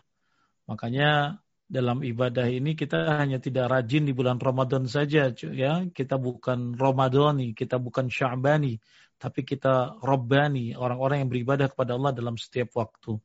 Jadi kan kalau syarat diterimanya amal ibadah dua tadi Kang, ikhlas dan itiba. Nah sekarang penyempurnanya, gimana supaya amal kita ini jadi sempurna, ya, jadi pendukungnya, pendukungnya, ya. Satu berpegang teguh, komitmen menjalankannya, ya, sebagaimana Al-Quran yang ada di sini. Kemudian segera, bersegera, bersegera melakukannya, ya, ya, bersegera melakukannya. Ya, makanya kata Ibnu Umar kalau bisa ngerjain sore jangan nunggu pagi ya. Sebagaimana firman Allah wasari'u ila magfiratin ya. Fafirru ilallah ya. Falyatanafasil mutanafisun bersegera, berlomba-lomba. Kemudian supaya amal pendukungnya lebih baik lagi berdoa ya muqallibal qulub sabit kalbi ala dinik. Kemudian supaya lebih baik lagi beristiazah ya ketika kita lagi sholat ada gangguan baca auzubillahi samil alim minash syaitanir rajim min hamzihi wa nafhi wa nafsi. Kemudian yang kelima beristighfar setiap selesai melakukan pekerjaan. Coba kita Kang. Habis sholat Akang baca apa? Astaghfirullah. Astaghfirullah. Astaghfirullah. Ramadan kata Umar bin Abdul Aziz tutup dengan zakat fitrah dan istighfar. Pagi sore kita tutup pagi dengan Sayyidul Istighfar ya sahur kita suruh baca istighfar ya kemudian amal enam selalu berniat untuk meningkatkan amal ibadah walaupun niat tersebut belum terlaksana berniat berazam mudah-mudahan saya insyaallah bisa melakukan yang lebih baik lagi ya jadi inilah yang membantu agar uh, amal kita pendukung amal yang sempurna kalau tadi kan kita bicara syarat diterimanya amal satu ikhlas, dua ittiba. Itu syaratnya. Nah supaya sempurna, yuk kerjakan komitmennya. Berpegang teguh. Bersegera, berdoa, beristiazah, beristighfar. Dan selalu berniat untuk membaguskan amal ibadah. Maka kita selalu doa. Allahumma a'inni ala zikrika wa syukrika wa husni ibadatik. Ya. Nah inilah uh, poin uh, tentang Bagaimana supaya amal ini, ibadah ini sem sempurna. Kemudian, udah berapa jam Kang? Udah sejam? Baru sejam ya. Baru sejam ya. Nah gimana kalau hukum beramal yang mencampur antara ikhlas dan tujuan lain? Ya gimana ketika kita beramal tapi ada campuran? Ya Misalnya kata Syekh Muhammad Salih Saimin membagi menjadi tiga golongan. Satu beribadah dengan maksud mendapat pujian orang lain. Perbuatan ini membatalkan amalnya dan termasuk syirik. Rasulullah Shallallahu Alaihi Wasallam bersabda, Ya, aku tidak butuh kepada sesuatu. Barang siapa yang beramal mensekutukan itu dengan lain, maka aku biarkan dia bersama sekutunya. Maka hendaklah kita beramal bukan mendapatkan pujian. Kemudian ibadahnya dimaksud untuk mencapai tujuan duniawi. Ada orang ibadah supaya dapat duniawi. Seperti apa? Pemimpin, kedudukan, harta. Maka akan hilang amalnya di akhirat. Nah yang terakhir nih. Nah ini penting mungkin bisa dibacakan. Tujuan tujuan ibadahnya kepada Allah sekaligus untuk tujuan duniawi oh, kelewat ketutup ya. tu, tujuan ibadahnya kepada Allah sekaligus untuk tujuan duniawi yang akan diperolehnya contoh saharah sekaligus ingin membersihkan badan berpuasa sekaligus ingin diet dan ngirit pergi haji ingin melihat tempat-tempat bersejarah wisata sholat malam agar lulus ujian dan sukses usahanya menjenguk orang sakit agar bila kita sakit dibalas jenguk juga kondangan, itikaf di masjid supaya nggak ngontrak rumah dan lain-lain. Semua itu dapat mengurangi kesempurnaan ibadah apabila nilai ibadahnya lebih besar. Akan tetapi jika sebaliknya, maka dia akan mendapatkan balasan dunia saja dan mungkin akan menyeretnya kepada dosa. Jadi kalau bisa ya kita ya, puasa ya bagus puasa ya ya ternyata jadi langsing ya alhamdulillah. Cuman jangan sampai niat langsingnya lebih gede. Hmm. Ya tiap tiap buka puasa nimbang we yang ada ya turun berapa kilo, turun berapa kilo. Ya lama-lama akhirnya terkikis tuh niat ibadahnya. Ya jadi tujuan ibadah kepada Allah sekaligus untuk tujuan duniawi ya. Nah ini pak kuat-kuat itu. Kuatan mana tujuan tujuan akhiratnya apa tujuan dunianya? Maka kalau tujuannya akhiratnya lebih kuat, maka itu jadi bonus. Tapi hmm. kalau tujuan akhiratnya jadi kalah, ah ini akhirnya jadi jadi nggak dapat pahalanya. Ya. Kemudian bernilainya lebih sebuah amal ibadah. Ya, ini udah udah komplit deh nih semuanya nih saya tulis nih. Hmm. Ya, bernilai lebih semua amal ibadah. Kalau amal ibadah kita pengen lebih, ya, Akang pengen lebih nih amal ibadahnya gimana? Ada tiga keadaan seorang mendapatkan pahalanya lebih banyak daripada biasanya. Satu, amalan-amalan ini lebih diutamakan pada keadaan di mana kaum muslimin sangat membutuhkannya. Jadi Akang sedekah, tapi pas ada kejadian. Ya, sebagaimana surat Al-Balad ayat 14 atau memberi makan pada hari kelaparan. Hmm. Al-Qutubi ketika menafsirkan ayat tersebut berkata memberikan makan adalah suatu keutamaan dan memberikannya pada saat kelaparan adalah lebih utama. Kita kan suka sedekah. Lebih utama lagi tuh sah pahala sedekah ketika pas banget kejadian. Ya, ada yang apa, ada yang sedang kebakaran, ya pas banget kita kasih itu. Ya, kita mau sedekah, pas ada kejadian, maka itu kata beliau, ini termasuk amalan yang insya Allah pahalanya bernilai lebih. Ya, jadi kapan nilai ibadah jadi lebih? Ketika amalan itu lebih diutamakan dalam keadaan kaum muslimin sangat membutuhkannya.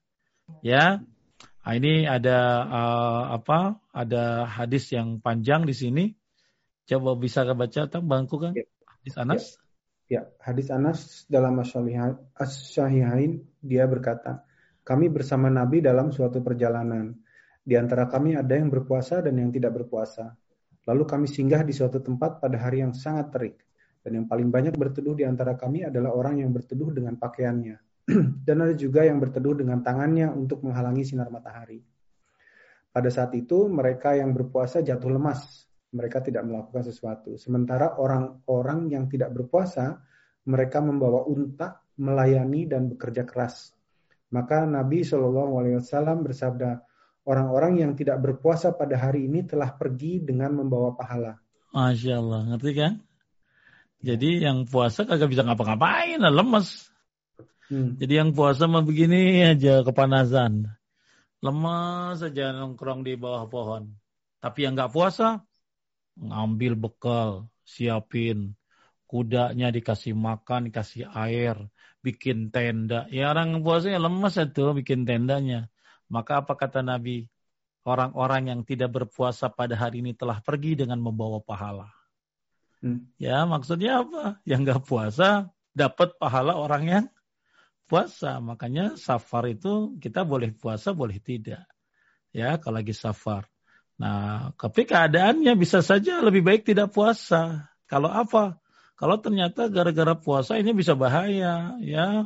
Makanya ketika terjadi pada zaman Nabi seperti ini, ya justru yang nggak puas, yang puasa ya pada jatuh lemes, tapi yang nggak puasa mereka membawa untuk unta melayani dan bekerja keras. Maka buat ibu-ibu yang lagi bulan puasa head atau apa ya urus orang-orang yang puasa. Jangan cicing baik, diem eh lagi head teh ya udah pakai daster ya nggak ngapa-ngapain enggak justru aktif untuk melayani orang-orang puasa biar dapat pahala orang yang berpuasa. Nah, ini kita lagi bahas gimana suatu amal ibadah agar bernilai lebih amalnya. Yang hmm. pertama tadi ketika sangat dibutuhkan. Ya, mau sedekah pas ada yang butuh, ya. Ya, pas dalam kejadiannya ada bencana alam, ah itu ya Masya Allah.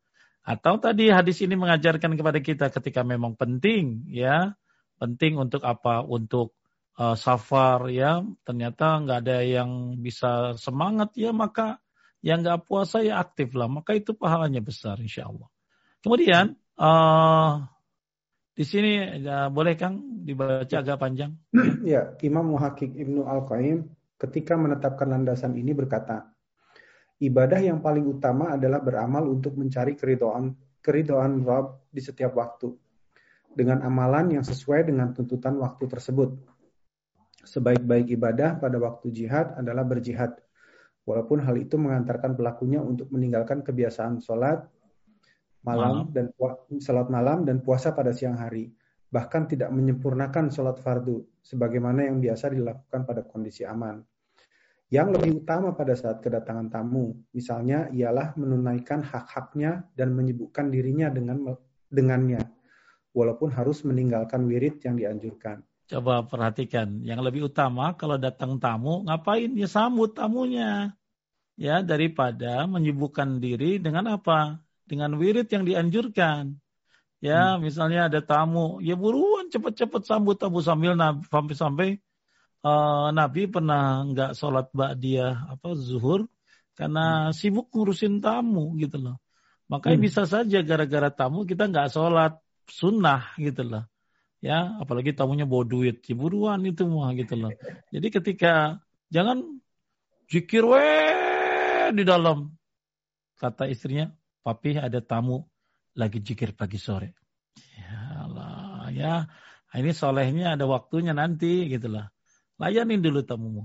Ya, layanin dulu tamu, baru kalau sempat jikir terusin terusin. Tapi kalau enggak, ya sudah Anda telah melakukan yang lebih penting daripada itu.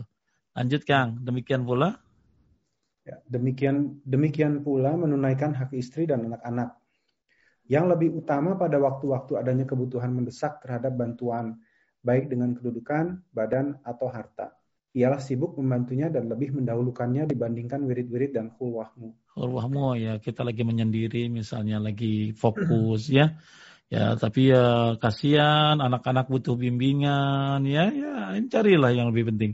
Yang paling utama ketika saudaramu seiman sakit atau wafat ialah menjenguknya, melayat jenazahnya dan mengantarnya ke kuburan itu semua harus didahulukan daripada ibadah menyendiri atau bersama-sama. Yang lebih utama ketika datang bencana atau orang lain menyakitimu ialah menunaikan kewajiban bersabar dengan bergaul bersama mereka, bukan menjauhi mereka. Karena orang mukmin yang bergaul bersama mereka akan bersabar menghadapi gangguan mereka maka itu lebih utama daripada orang yang tidak bergaul bersama mereka dan tidak diganggu oleh mereka. Makanya Kang orang yang tinggalnya deketan rumah tangganya, eh pasti kan ada orang tinggal di rumah yang agak padat ya. Ya, ya. godaannya pasti lebih banyak kan, betul nggak? Ya, nah, daripada orang yang mungkin punya punya punya tempat-tempat tersendiri. Nah, makanya kita lagi bahas apa nih? Ya, bahwa ada hal-hal yang kadang-kadang lebih dahulu dibutuhkan daripada dia egois melakukan hal sesuatu. Hmm. Ya, tadi contohnya tamu, ya. Misalnya jihad, ya walaupun dia akhirnya gara-gara jihad itu nggak sholat malam, ya maka uh, karena lebih baik pada saat itu jihad, karena memang waktunya jihad pada saat itu, ya. Jadi banyak hal-hal yang yang bisa menjadikan jadikan pahala lebih apa lebih besar Salah satunya adalah karena amalan ini diutamakan dalam keadaan di mana kaum muslimin sangat membutuhkannya. Ini contoh-contoh tadi ya sudah saya sebutkan di sini uh, tentang hal-hal yang uh, apa yang yang jadi pahalanya lebih besar, ya lebih besar. Kemudian gimana pahala supaya lebih besar? Dua pada zaman fitnah.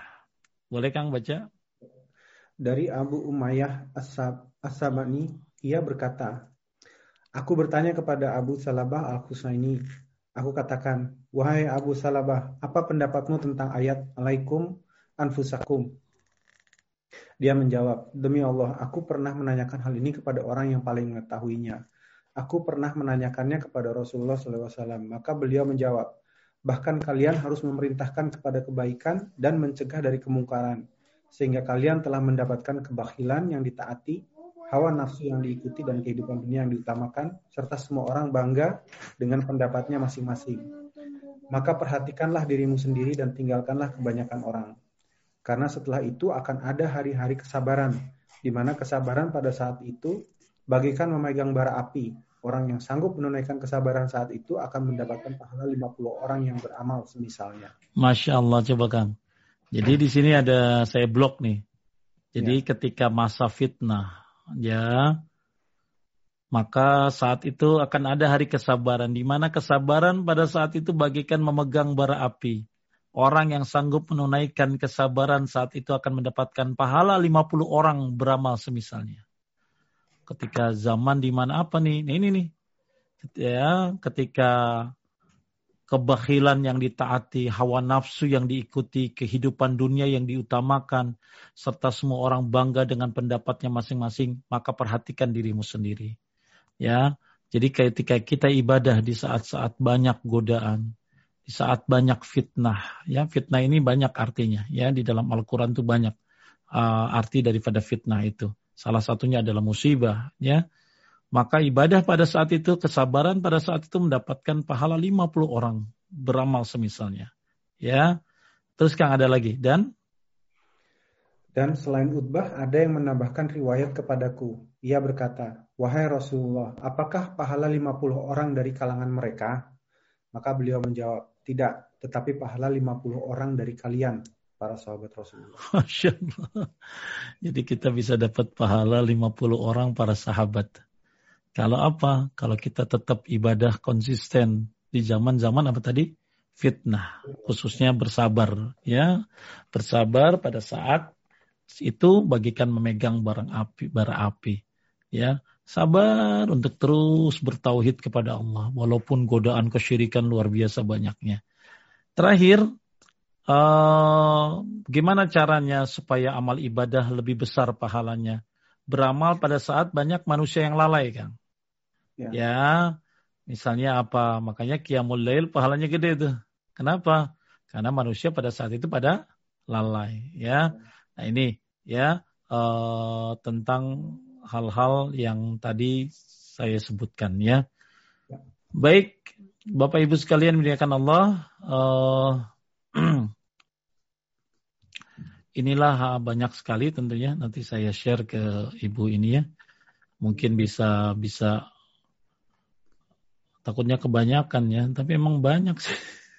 Enggak apa-apa Ustaz. Nanti ya mudah-mudahan dimudahkan dimudahkan Bapak Ibu untuk memahaminya tapi sudah saya sangat simpelkan tadi tentang ibadah makna ibadah ya. Kemudian syarat diterima ibadah pilar-pilar ibadah ya model-model ibadah kemudian tadi uh, buah-buah keikhlasan seperti apa kemudian gimana ibadah supaya lebih banyak pahalanya kayak apa ya Kemudian tadi itiba kayak apa ya. Ini insya Allah mudah-mudahan bermanfaat pembahasan walaupun mungkin kebanyakan. Tapi insya Allah nanti di, disebarin. Mudah-mudahan bisa ditaruh di mana kang biasanya? Nanti kita ditaruh di uh, eh, WA group uh, ya, ya. Telegram. Ya, mudah-mudahan dimudahkan ya, dimudahkan uh, untuk memahaminya insya Allah. Ya. Mungkin ada yang mau nanya silakan Kang. Baik, uh, Bismillahirrahmanirrahim. Afwan Ustadz, ini saya sebetulnya banyak pertanyaan yang sesuai dengan topik kali ini. Namun minggu lalu ada pertanyaan yang menurut saya pribadi itu penting untuk ditanyakan karena sifatnya uh, urgent, uh, Ustadz. Jadi saya mulai dari situ dulu mungkin Ustadz ya, kalau boleh. Mangga, mangga Kang. Baik, Bismillah. Baik, Assalamualaikum. Ini Ustadz, rumah tangga saya dan suami sering kali bertengkar. Kadang hanya karena hal-hal kecil. Padahal kami berdua sama-sama sudah mengaji. Suami saya ibadahnya Masya Allah sekali. Saya sangat bersyukur akan itu. Tetapi tetap kami tidak bisa menghindari pertikaian hampir setiap hari. Kadang saya berpikir ini adalah bagian dari ladang ibadah kesabaran yang Allah sediakan untuk kami berdua sebagai penggugur dosa-dosa kami. Tapi sebagai manusia biasa, saya kadang suka nggak kuat, Ustaz. sangat merasa tertekan. Saya saya seperti salah terus di mata suami, nggak pernah benar. Jadi apa yang harus saya lakukan, Ustaz? Mohon uh, bimbingannya. Ya, ada kadang-kadang orang ibadahnya rajin, tapi tabiatnya jelek. Hmm. Ya, ahlaknya jelek. Dan tabiat ini ya uh, insya Allah bisa dirubah dengan cara menuntut ilmu. Tapi kadang-kadang tabiat ini suka muncul spontanitas, spontanitas ya. Dia bawanya temperamental, ya merasa sempurna. Ya maka suami-suami kayak gini butuh belajar tentang tazkiyatun nafs. Ya, suami-suami kayak gini butuh belajar bagaimana uh, cara menghargai Nabi Shallallahu Alaihi Wasallam menghargai istrinya. Ya, ini kadang-kadang sifat egois yang ada pada sebagian orang ya, khususnya laki-laki. Ya, merasa paling benar, ya nggak bisa disalahin dan lain sebagainya. Uh, Nah, sekarang yang harus ibu lakukan, menurut saya yang paling ibu lakukan, bagus yang lakukan kalau dia kuat. Kalau dia kuat adalah ya bersabar. Ya, bersabar dan memaafkan. Karena orang yang bersabar, ya pahalanya tanpa batas, masya Allah. Ya, uh, tidak ada pahala. Bahkan bersabar ini hanya diberikan kepada orang-orang yang memang orang-orang pilihan bersabar ini.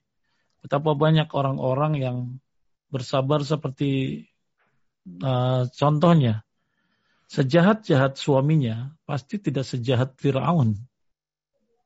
Ya, sejahat-jahat suaminya pasti tidak sejahat, sejahat Firaun. Lihat bagaimana sabarnya istrinya Firaun, Asia ya. Luar biasa sabarnya yang menghadapi orang seperti Firaun. Oleh karena itu Anda sudah berdoa, Anda sudah sudah sabar. Ya memang yang paling utama adalah sabar. Ya paling utama adalah sabar. Bahkan saya tadi pagi baca tulisan daripada Syekh Rabi, ya Syekh Rabi.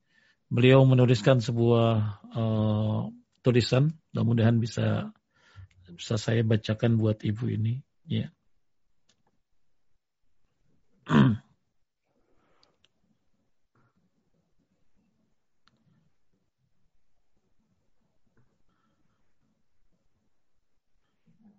Oh, tidak ada di sini. Jadi disebutkan oleh beliau kurang lebih uh, kurang lebih bahwa kita disuruh untuk bersabar ketika menghadapi musuh-musuh. Kita disuruh bersabar memaafkan uh, ketika apalagi itu adalah orang tua, apalagi ini suaminya. Maka memang yang diutamakan adalah bersabar, bersabar dan bersabar. Ya, kalau dia memang bisa bersabar. Yang kedua, Masalahnya adalah ketika dia tidak bisa bersabar, maka yang harus dilakukan adalah diskusi. Ya, biasanya uh, ketika dia coba ajak ngomong, ya ajak ngomong, ajak ngomong, nih gimana nih, ya kok saya, kok saya, kok saya seperti ini. Ya tentu yang paling bagus ya di tempat-tempat yang memang terbuka, ya seperti mungkin lagi makan di mana. Takutnya ada marah ya sehingga terjadi pemukulan dan lain sebagainya ya atau ya apa di tempat-tempat yang memang memang enak untuk berbicara itu cara yang kedua menurut saya diajak ngobrol ya diajak ngobrol. Ini rumah tangga mau dibawa ke mana ya? Saya juga manusia biasa. Tapi kalau ada orang bertanya ya sebenarnya sabar ya tanpa batas ya. Makanya pahalanya tanpa tanpa batas juga kesabaran itu. Saya ada bu, dulu ada buku beredar tentang judulnya akhirnya uh, doanya dikabulkan. Ya, kurang lebih bukunya judulnya begitulah. Cerita apa Pak Ustadz? Cerita ada seorang istri doanya dikabulkan pas 20 tahun.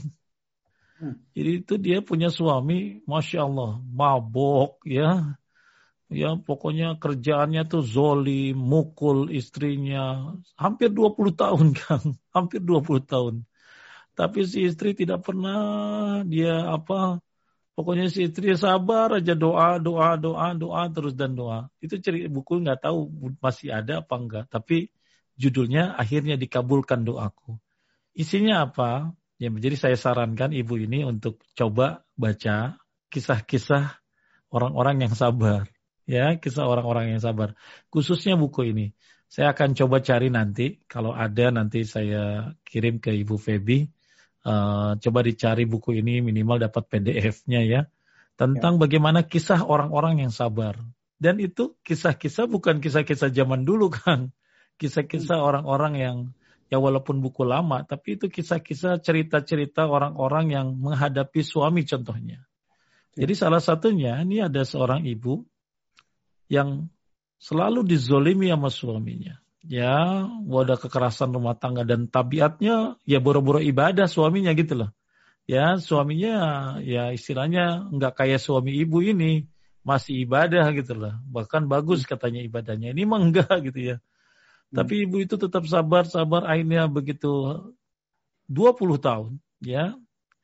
20 tahun. Suatu malam puas suaminya pulang dalam keadaan mabuk. Masya Allah, luar biasa. Di situ suaminya mendengar rintihan istrinya dalam berdoa. Tidak sengaja suaminya mendengar rintihan istrinya dalam berdoa. Di saat itulah Allah berikan hidayah kepada suaminya. Dan setelah suaminya dapat hidayah, Masya Allah. Ya, sampai-sampai sholat yang namanya jamaah dan lain sebagainya. Sampai dia jadi muazin dan nah inilah kesolehan uh, hidayah yang Allah berikan dari doa-doa. Ya kadang-kadang kesabaran-kesabaran kayak begini ya memang beda-beda ya, beda-beda. Tapi insya Allah orang bisa sabar dengan cara belajar menuntut ilmu. Ya, orang bisa sabar. Ya saya sampai-sampai ada ibu-ibu itu sampai dipatahin kakinya kan. dipatahin kakinya, ya, diinjek kakinya sampai patah gitu loh. Ya, dan itu bukan sekali dua kali. Tapi si ibu itu sabar banget ya. Sabar hmm. banget Masya Allah. Ya. Nah itu kejadian gitu hampir mungkin sudah 10 tahun ya. Tapi saya selalu lihat ibu itu. Ya sabar. Malah dia sekarang bisa bawa orang tuanya untuk ngaji, taklim ya. Tapi ingat banget dulu waktu dia datang kepada saya menceritakan bahwa suaminya mematahkan kakinya. Dipatahin kakinya. Ya Allah. Ya, kakinya diinjuk sampai patah. Sampai dia ngaji itu harus pakai tongkat dicerita kenapa bu? Ya saya di kaki saya diinjek dipatahin sama laki saya pak ustadznya dan itu bukan sekali dua kali kejadian itu. Tapi masya Allah sekarang saya lihat ibunya udah aktif di ngaji dan nggak pernah lihat kejadian-kejadian lagi ya. Tapi dulu awal-awal mungkin masya Allah ya namanya tamparan dan lain sebagainya ya saya karena banyakkan murid saya emak-emak ya ibu-ibu ya ya suka ada aja tuh cerita-cerita kayak begitu. Ya mudah-mudahan. Tapi ya saya lihat sekarang keadaannya jauh lebih baik. Ya bahkan dia suka sering taklim bahkan dia bikin kajian sendiri dan lain-lainnya. Ya bahkan sudah bisa membawa orang-orang terdekatnya untuk menuntut ilmu. Ini buah dari kesabaran. Ya jadi saya tujuan menceritakan begini itu begini loh masih banyak orang-orang yang lebih menderita dari dia. Masih banyak orang-orang yang lebih parah kasusnya daripada dia. Saya kalau ceritain banyak banget ya. Nggak tahu ya Ibu tuh suka cerita sama saya. Ya mungkin ya tapi lewat WA ya, lewat WA. Mungkin tujuannya supaya saya memberikan solusi. Dan saya lihat kejadiannya ajib-ajib. Sampai ada seorang suami jadi saya udah ceritain berapa orang tuh yang 20 tahun tuh Kang, ya 20 tahun ya. Itu dari buku tuh kalau itu mah. Mudah-mudahan bukunya nanti bisa dicari. Kedua kisah nyata yang tadi istri dipatahin kakinya. Kemudian yang ketiga seorang suami yang sekuler Kang. Hmm. Suami ini sekuler, jadi istrinya pakai jilbab dikatain, lu nurutin orang Arab aja lu, dibohongin orang Arab lu gitu loh. Istrinya hmm. ngaji, ya wah pokoknya ibadah apa pun yang dilakukan oleh istrinya dianggap itu bagian daripada tipu daya orang Arab gitu loh. Tapi Masya Allah istrinya tidak pernah berhenti berdoa, berdoa, dan berdoa. Ya cuma bisa begitu loh. Ibu lawan bakalan parah, lebih parah. Ya, uh, jadi diajak kadang-kadang diajak komunikasi bisa, kadang-kadang yang nggak bisa, lebih banyak nggak bisanya. Ya maka ya sudah berdoa saja deh tuh, ya berdoa. Karena yang memiliki hati cuma Allah. Yang bisa merubah seseorang itu Allah. Nah si ibu tadi yang suaminya sekuler, akhirnya berdoa entah bertahun-tahun atau berapa lama. Sampailah suatu ketika temannya si suami ini meninggal dunia. Kemudian akhirnya harus ada yang jat, kan kalau orang meninggal ya harus ada yang nurunin atau. Sedangkan teman akrab keluarganya kurang yang datang kurang, maka akhirnya si bapak itu yang nurunin temannya itu lagi ke liang lahat. Begitu di liang lahat lah Allah berikan dia hidayah. Dia melihat temannya yang tempat tempat dia sehari apa tempat dia main-main ternyata mati terkujur seperti itu. Allah kasih hidayah. Pulang dia nangis ya. Akhirnya dia taubat masya Allah. Banyak cara Allah untuk memberikan hidayah kepada seseorang ya. Ya makanya banyak sekali eh, cerita-cerita uh, yang lebih sadis daripada ibu ini ya tapi yang saya saya luar biasa masih ada banyak harapan adalah karena bapak ini masih ibadah. Suaminya masih ibadah, maka itu jauh lebih baik. Ya, jauh lebih baik dan dibandingkan dengan cerita-cerita yang saya tadi sebutkan.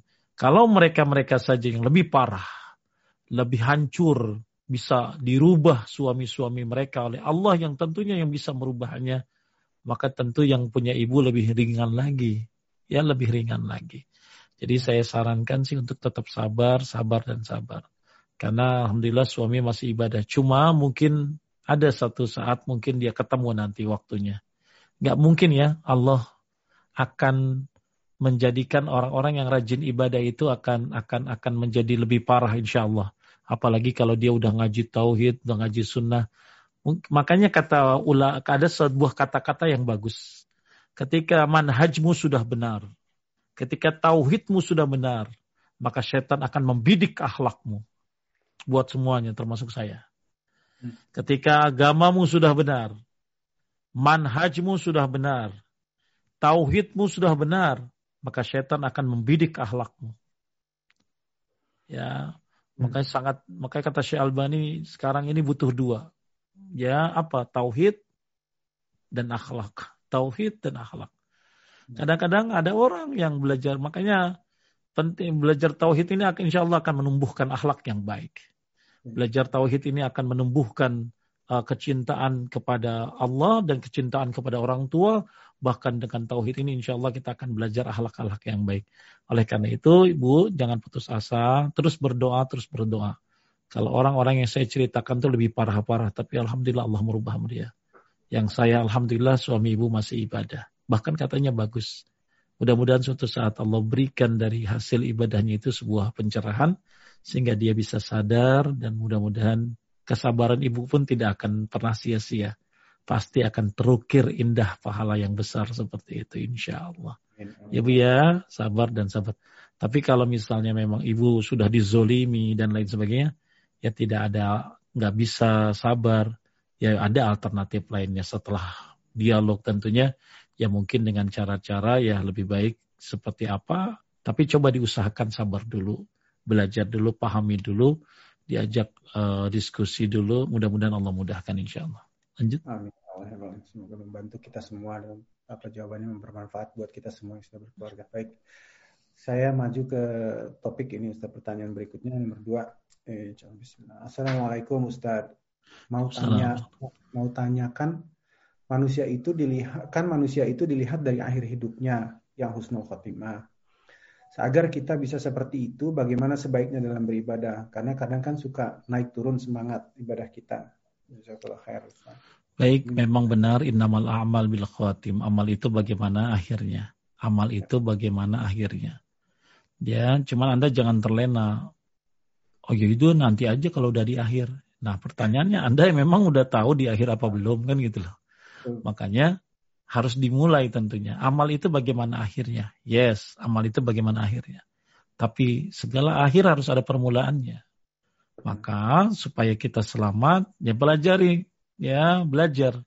Apa yang harus dipelajari Pak Ustadz? Tauhid yang utama. Ya, tauhid yang utama. Ya, tauhid ini insya Allah akan menumbuhkan banyak cabang-cabang kebaikan. Ya, nanti kita baru-baru baru bab awal ini ya tentang masalah ibadah. Sedangkan iman kan naik turun. Oke, sekarang kita dengarkan perkataan Umar bin Khattab radhiyallahu an. Kalau lagi semangat, ibu kan pasti pernah semangat. Maka kerjakan yang belain, belain yang sunnah. Ya, kalau lagi semangat, belain yang sunnah kerjain. Tapi kalau lagi turun, lagi lemah, maka paksakan yang wajib. Ya, saya ulangi, iman kan naik turun. Ya, supaya ke husnul khotimah gimana Pak Ustadz?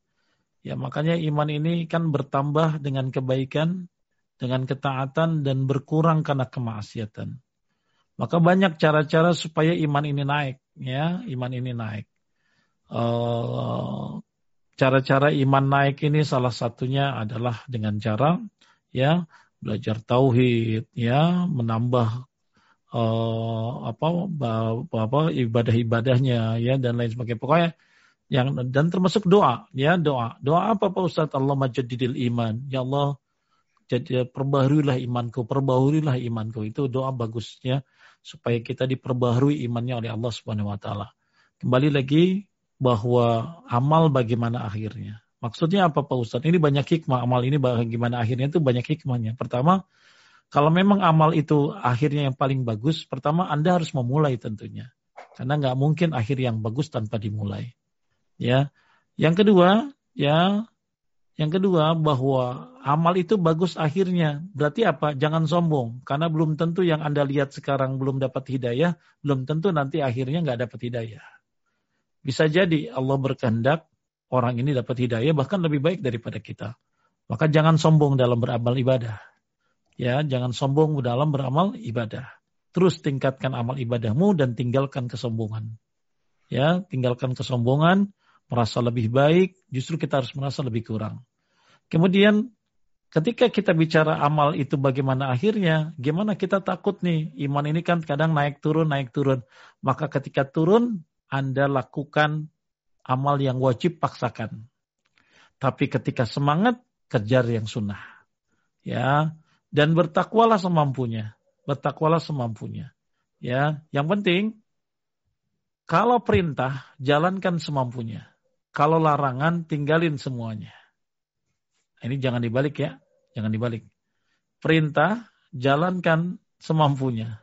Tapi kalau larangan, tinggalin seluruhnya. Ya. Jadi ibu, semoga ibu husnul khotimah dimudahkan oleh Allah.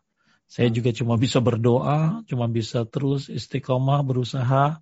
Ya, nah, insya Allah kita akan dimudahkan untuk meraih itu. Nah, makanya bukan berarti akhir-akhir nanti aja deh udah 57 baru gue sadar. Dah tahu-tahu targetnya 45 gimana ibu ternyata mati 45. Ya makanya akhir yang baik itu memang yang utama. Ya supaya kita nggak sombong bahwa amal itu adanya di akhir. Tapi uh, akhir itu harus ada permulaan. Kita harus memulai tentunya supaya akhirnya baik insya Allah. Lanjut. Baik Ustaz, ini ada pertanyaan berhubungan dengan pertanyaan sebelumnya. Baik, pertanyaan semoga Ustaz dan keluarga seluruh umat muslim selalu dalam lindungan Allah mendapatkan taufik hidayah dari Allah Azza wa. Afwan Pak Ustaz, Ana belum lama hijrah. Bagaimana cara memilih atau mengetahui Ustadz Ustazah yang benar ahlul sunnah? Cara atau adab supaya tidak tajasus dalam mencarinya? Ya, tajasus ini mata-mata. Hmm. Ya, ya paling gampang, paling bagus minta rekomendasi. Paling hmm. bagus. Minta rekomendasi Ya, kalau ibu tanya sama saya, coba lihatlah uh, channel-channel misalnya Ustadz Piranda, ya bagus-bagus ya, doktor ya, Ustadz Safik, ya bagus mereka. Ya, komitmen dalam menjalankan Quran dan Sunnah. Nah, mungkin pertanyaan yang lebih ini gini, gimana kita dalam menilai, dalam menilai, gimana dalam menilai seseorang? Ketika ibu masuk ke supermarket, Beda tentunya dengan menilai seseorang. Ketika kita masuk ke supermarket, kita bisa melihat apa yang mau kita beli dan nggak mau uh, bagaimana kita akan bisa memilih dan memilah karena kita sudah tahu apa yang kita butuhkan. Ibu masuk supermarket, ibu udah punya catatan. Maka ibu akan fokus di catatan itu dulu. Dan ibu bisa mengetahui apa yang ibu penting, apa yang tidak. Hmm. Itu hanya contoh saja. Maksud saya gini, ketika kita belum belajar ilmu tauhid, belum belajar akhlak Nabi, belum belajar sunnah-sunnahnya, maka akan sulit untuk perbandingan. Karena, oh celananya cingkrang. Maaf Pak, Bu, orang-orang ISIS juga pada cingkrang kadang-kadang. Ya, oh jenggotan. Ya, ada juga yang jenggotan, tapi pemikirannya ya murjiah. Hmm. Ya, dan jadi agak sulit untuk melihat dari luar penampilan. Ya, ya tapi ya Alhamdulillah. Uh, mungkin kalau nanti lama-lama kita belajar, kita akan paham kita akan menghormati. Kita akan kalau misalnya enggak ya kita akan coba menghindari. Maka kuncinya supaya tahu belajar dulu deh yang penting-penting. Nanti Anda ketahuan kok. Belajar akidah yang bagus, ya, belajar tauhid, ya, belajar sunnah-sunnah. Makanya pernah ada ibu-ibu pengen begini, Ustadz saya pengen ikut kajian itu deh, itu yang yang yang begini-begini gitu loh ya. Pokoknya intinya dia mau coba tahu lah, pengen cari tahu ini pengen tahu aja Pak Ustadz, saya tanya sama dia, Ibu bisa bedain mana syirik, mana tidak? Nggak bisa Pak Ustadz. Ibu bisa bedain mana sunnah, mana bukan? Nggak tahu Pak Ustadz. Ibu bisa tahu mana hadis sahih, mana tidak? Nggak tahu Pak Ustadz. Kalau ibu belum ngerti, belum tahu apa-apa, mendingan ibu belajar dulu gitu. Karena ibu belum saatnya perbandingan. Jadi ketika kita mau melakukan sebuah perbandingan atau penilaian, maka kita harus punya punya basic dulu dong. Gimana kita mau menilai, membandingkan kalau kita nggak punya basic? Makanya kalau kalau susah, sulit, udah. Yang rekomendasi dulu deh. Ya, rekomendasi. Udah nih, saya kasih rekomendasi ABCD, silakan. Ya, nanti juga ibu-ibu bisa perbandingan sendiri. Ya, minimal ketika mendengar ini, oh menghormati. Menghormati. Jadi kalau udah punya ilmunya, ketika ada perbedaan-perbedaan masalah-masalah fikih, ya lebih mudah untuk, oh ya menghormati. Apa kalau apa kalau bedaan-bedaannya masalah akidah, ya masalah tauhid, nah ibu akan coba untuk tidak tidak tidak tidak toleransi untuk masalah-masalah yang bersifat akidah, akan coba mencari yang terbaik kayak apa. Jadi saran saya, kalau ibu nggak ngerti apa-apa, basically masih benar-benar awam, coba cari rekomendasi. Cari rekomendasi dari siapa? Dari Pak Rashid, dari Ibu Febi, ya siapa aja kira-kira yang bisa dipelajari dan lain sebagainya, silakan. Banyak ya banyak Bu, apalagi di Indonesia ini ya di Indonesia ya. ini ya, Insya Allah banyak. Kalau mau dari referensi, tapi kalau enggak, coba Ibu belajar dulu yang dalam diri Ibu, tauhid bagusin ya, uh, sunnah bagusin ya, maka Insya Allah suatu saat kita bisa memilah dan memilih. Kemudian cara yang gampang lagi, yang ketiga, seseorang bisa diketahui lewat teman-temannya. Hmm. Mungkin dia bisa menyembunyikan akidahnya. Dia bisa membunyikan, menyembunyikan tipu dayanya, tapi dia tidak akan pernah bersembunyi dari teman-temannya. Ya, jadi ada orang bisa menyembunyikan akidahnya, bisa menyembunyikan tabiat-tabiatnya, ya, tapi dia tidak akan pernah bisa bersembunyi dari teman-temannya. Maka penting juga melihat teman-temannya siapa. Ya, jadi Ustadz itu berteman dengan siapa. Nah, seperti itu juga penting untuk menjadi sebuah penilaian. Ya, uh, itu aja. Baik, saya lanjutkan Ustadz. Uh, pertanyaan selanjutnya ini ada dua pertanyaan, tapi saya satukan karena mirip satu topik. Assalamualaikum Ustaz. Kalau teman-teman muslim banyaknya di negara lain atau berbeda kota, tempat, sehingga pada saat pemakaman terdapat kurang dari 40 orang yang menyolatkan, ini bagaimana Ustaz? Lalu pertanyaan kedua yang mirip bagaimana menyolatkan orang yang meninggal sekarang ini mengingat kondisi sedang COVID dan dianjurkan di rumah saja.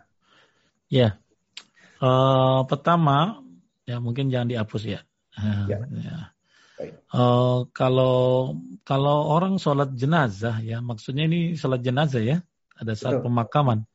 Ya. ya nggak harus 40 orang, 40 orang ini kalau ada yang 40 orang bertauhid yang hmm. lebih banyak lebih bagus. Tapi kalau ternyata adanya cuma lima, jadi salat jenazah juga gitu ya. Salat jenazah tetap bisa terlaksana. Cuman dalam riwayat apabila 40 orang bertauhid ya, apa bertauhid, mendoakan, maka ini bisa jadi syafaat buat orang yang meninggal tersebut. Nah, makanya nikmatnya tinggal di negeri banyak orang Islamnya begitu. Kalau di Parasit gimana di London? Ya itu, mungkin banyak ini ya? Ah, ya, banyak Ustaz, banyak. Tapi kan kadang-kadang itu tadi bertemannya kan berbeda-beda Ustaz dan ah, lokasinya. Tapi muslim bisa. maksudnya muslim semua banyak. Oh banyak, banyak. Oh ya alhamdulillah ya. Jadi jadi yang 40 ini maksudnya orang yang bertauhid. Makanya maksud saya begini loh. Pentingnya berteman dengan komunitas-komunitas yang bertauhid gitu loh.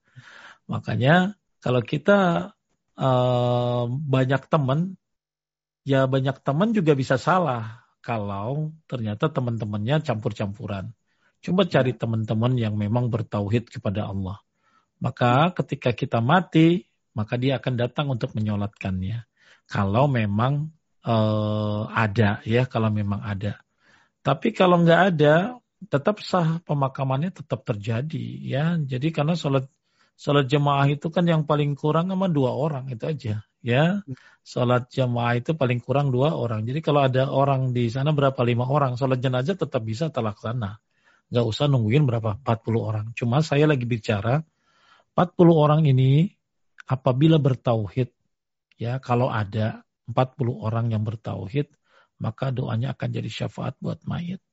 Makanya maksud cerita saya penting untuk mencari teman-teman yang bertauhid, teman-teman yang baik. Supaya kalau kita mati dia yang akan menyolatkannya. Kalau dia nggak datang pun dia akan mendoakannya. Ya, mendoakannya. Tapi kalau ternyata kita mati terus disolatin sama 10 orang ya tetap sah sholat jenazahnya ya. Cuma utamanya lebih banyak, lebih baik dan lebih banyak juga lebih bagus lagi kalau yang banyak itu adalah bertauhid gitulah. Kemudian yang kedua, kalau sekarang orang meninggal karena COVID Ya, gimana kita menyolatkannya? Agak sulit. Ya, tapi setahu saya standarnya mereka disolatin. Mereka disolatin oleh tim medis, oleh tim petugas, ya dimandiin sesuai dengan sesuai dengan ini. Nah, tapi yang uniknya, yang hebatnya kalau dia memang meninggal karena COVID dapat pahala syahid, gitu dia. Ya, hmm. tapi kalau kita gimana Pak Ustadz nggak bisa nyolatin? Ya memang inilah tadi zaman kesabaran sabar pada saat itu, ya mudah-mudahan jadi pahala. Makanya sabar di rumah, ya bagian dapat pahala syahid juga. Nah kita kan pengen banget nyolatin jenazah, karena nyolatin jenazah kan pahalanya gede, satu kirot. Satu kirot itu paling kecil segede gunung Uhud, coba gede banget kan. Tapi ternyata, ternyata sekarang nggak bisa. Ya kenapa? Ya karena susah mau keluar. Ya Eh, karena dilarang berkumpul-kumpul. Ya sudah, yang COVID disolatin sama yang khusus menyolatkannya, kita di rumah ngapain? Doa. Gak ada yang hmm. sia-sia doamu. Ya, mungkin kita pengen banget sholat jenazah kematian teman kita yang kena COVID. Tapi nggak bisa, ya nggak bisa saya ada teman meninggal kena COVID, ya orangnya baik sekali, ya tapi ya nggak bisa saya nyolatin, ya tapi luar biasa ustadz-ustadz pada posting dia meninggalnya dia tuh di di apa di Instagramnya karena memang itu orang baik sekali masya Allah ya nggak nyolatin hmm. kita nggak nyolatin tapi doanya insya Allah dari ustadz-ustadz yang karena memang saya tahu dan luar biasa bantuin tuh buat dakwah tuh luar biasa dia ya dia meninggal kena covid kita nggak nyolatin tapi luar biasa komentar-komentar orang kok. Si ustadz ini posting ini posting ini ya kan. Mungkin mereka nggak tahu sejarahnya tapi mendoakan buat dia. Jadi kalau kita nggak bisa nyolatin kita bisa doain ya. Kita bisa doain. Lanjut. Baik. Baik maaf Ustaz ini saya mau tanya tambahan ini karena untuk berkaitan dengan ini. Ini kalau misalnya uh, jenazah ini uh, yang meninggal kita tidak kenal. Misalnya seperti tadi yang Ustaz sampaikan Lalu kita menyolatkan uh, sholat goib itu di rumah boleh Ustaz? Apakah apakah syafaatnya bisa diterima juga ini? Kalau misalnya ada 40 orang di berbagai rumah gitu, ada 40 rumah, mereka sholat di 40 rumah masing-masing. Baik. Itu bagaimana Ustaz? Apakah? Sholat, uh, jadi ada banyak uh, perbedaan pendapat tentang sholat goib. Ya, sebenarnya kan sholat goib itu dulu awalnya, awalnya ada seorang raja masuk Islam, tapi nggak diketahui oleh rakyatnya Hmm. Ya. Kemudian akhirnya Nabi sholat goib. Makanya berdasarkan kisah ini, sholat goib itu harusnya ketika itu mayat tidak disolatkan di sana. Oh. Jadi misalnya ada orang kena COVID, terus udah disolatin, ya sudah kita tinggal doa aja. Karena oh, okay. dia sudah disolatkan. Ya. Tapi kalau dia belum disolatkan, misalnya dia di negeri kafir, terus dia hmm. meninggal Islam, nggak ada yang nyolatin, akhirnya nah kita boleh sholat gaib. Oh. Karena tidak ada yang menyolatkan. Tapi kalau sudah ada yang menyolatkan walaupun sedikit, ya kita cukup doa saja. Cukup doa saja. Itu Kang. Uh, ada banyak perbedaan ulama tentang masalah ini, tapi yang saya lihat dari kasusnya yang terjadi pada zaman Nabi seperti itu. Sholat gaib itu asalnya tadi ada seorang raja masuk Islam, saya lupa Raja Najasyi atau apa ya, masuk Islam, kemudian tidak disolatkan karena nggak ada yang tahu kalau dia masuk Islam. Maka hmm. Nabi akhirnya sholat goib. Nah itu deh. Jadi intinya karena nggak ada yang nyolatin maka Nabi sholat goib. Tapi kalau udah ada yang nyolatin nggak perlu sholat goib lagi.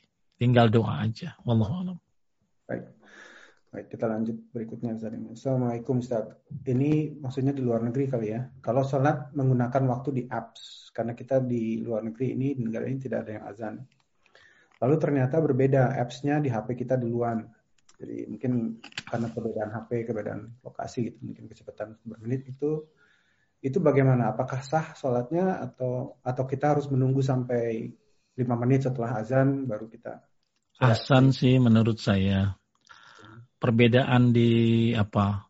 Perbedaan di apps itu ya biasanya cuman bahkan detik kadang-kadang. Ya detik uh, paling banyak menit lah dan nggak sampai dari dua menit biasanya beda tuh satu menit gitu ya hmm. lebih baik menurut saya kalau kita tadi saya udah bilang di awal lebih baik sholat di akhir daripada belum masuk waktu karena kalau hmm. sholat di akhir masih sah tapi kalau sholat belum masuk waktu nggak sah karena syarat sah sholat adalah satu masuk waktu dua menutup aurat Tiga suci dari hadas kecil dan hadas besar. Keempat menghadap kiblat.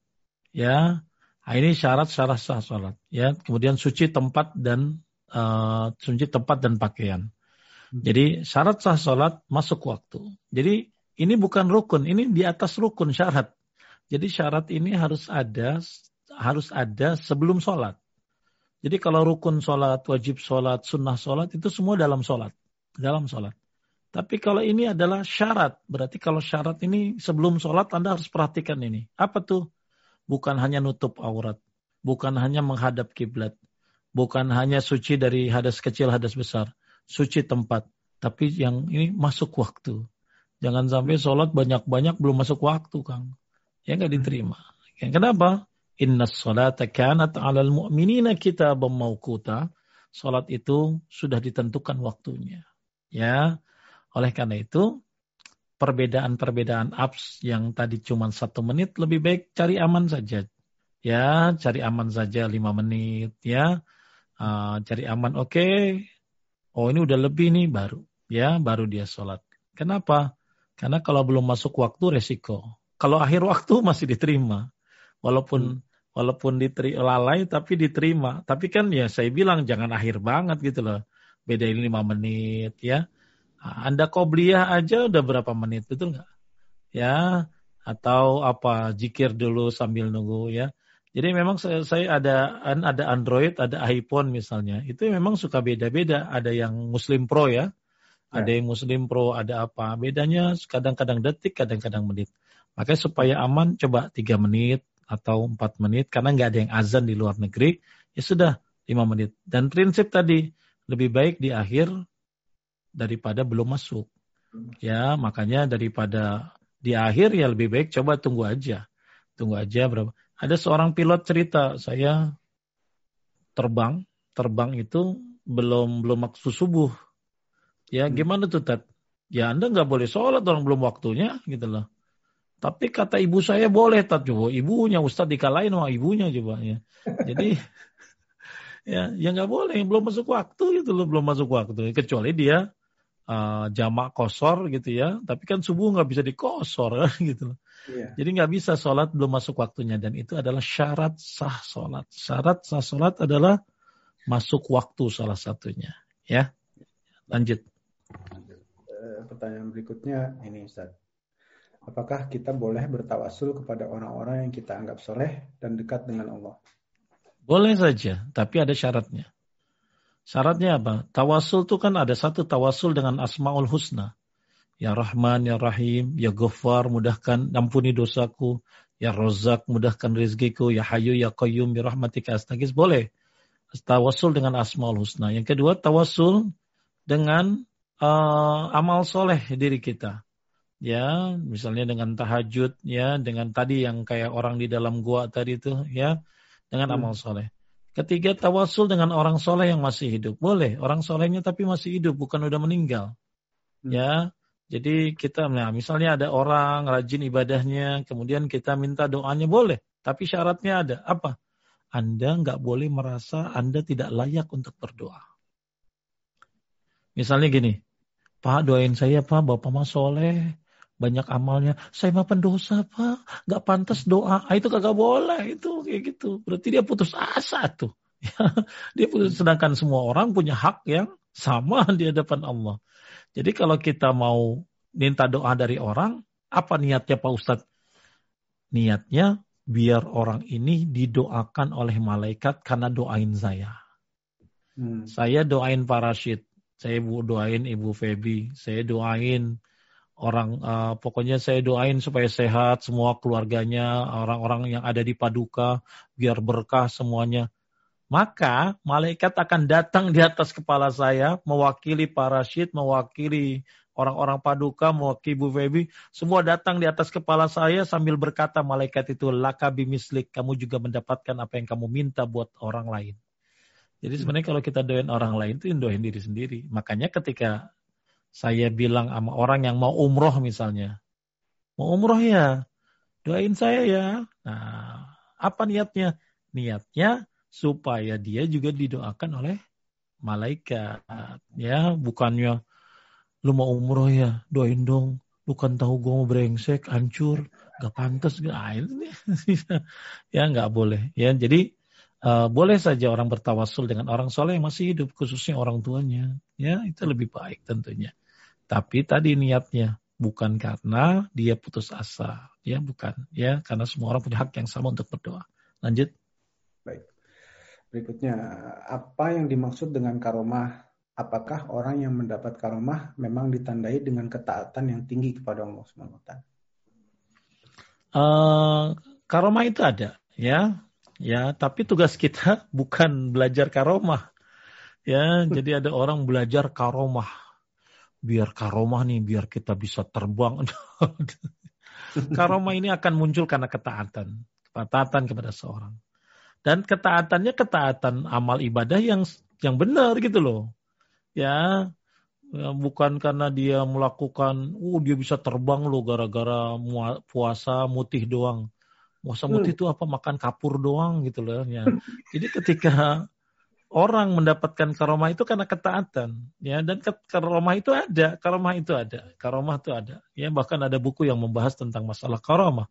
Akan tetapi karomah itu adalah karena ketaatan seseorang bukan untuk dipelajari gitu loh ya. Jadi ya sudah ibadah saja ibadah saja yang banyak. Tujuannya mendapatkan ridho Allah bukan dapat karomah kan gitu loh ya. Tujuannya mendapatkan ridho Allah tujuannya karena takut neraka cinta sama Allah. Maka insya Allah ya dan karomah itu ya nggak nggak nggak itu itu aja gitu loh ya nggak sama gitu loh. Ya, ya ada karomah ada maunah ya maunah itu pertolongan ya maunah itu pertolongan. Ada irhas irhas ini biasanya buat calon-calon nabi. Ada mukjizat ya itu buat nabi. Ya nah kalau orang-orang soleh ada karomah. Cuma ya suka akhirnya juga ada gini ya. Yang jadi masalah itu mitosnya akhirnya muncul ya mitos-mitos karomah. Ya dulu jadi ada orang kalau nyari kiai, kiai lu bisa apa? Bisa terbang kagak? ya, ya bisa ini enggak? Iya. Jadi yang harus dicari kiai kiai lu hafal berapa hadis? Uh, hafal Quran enggak?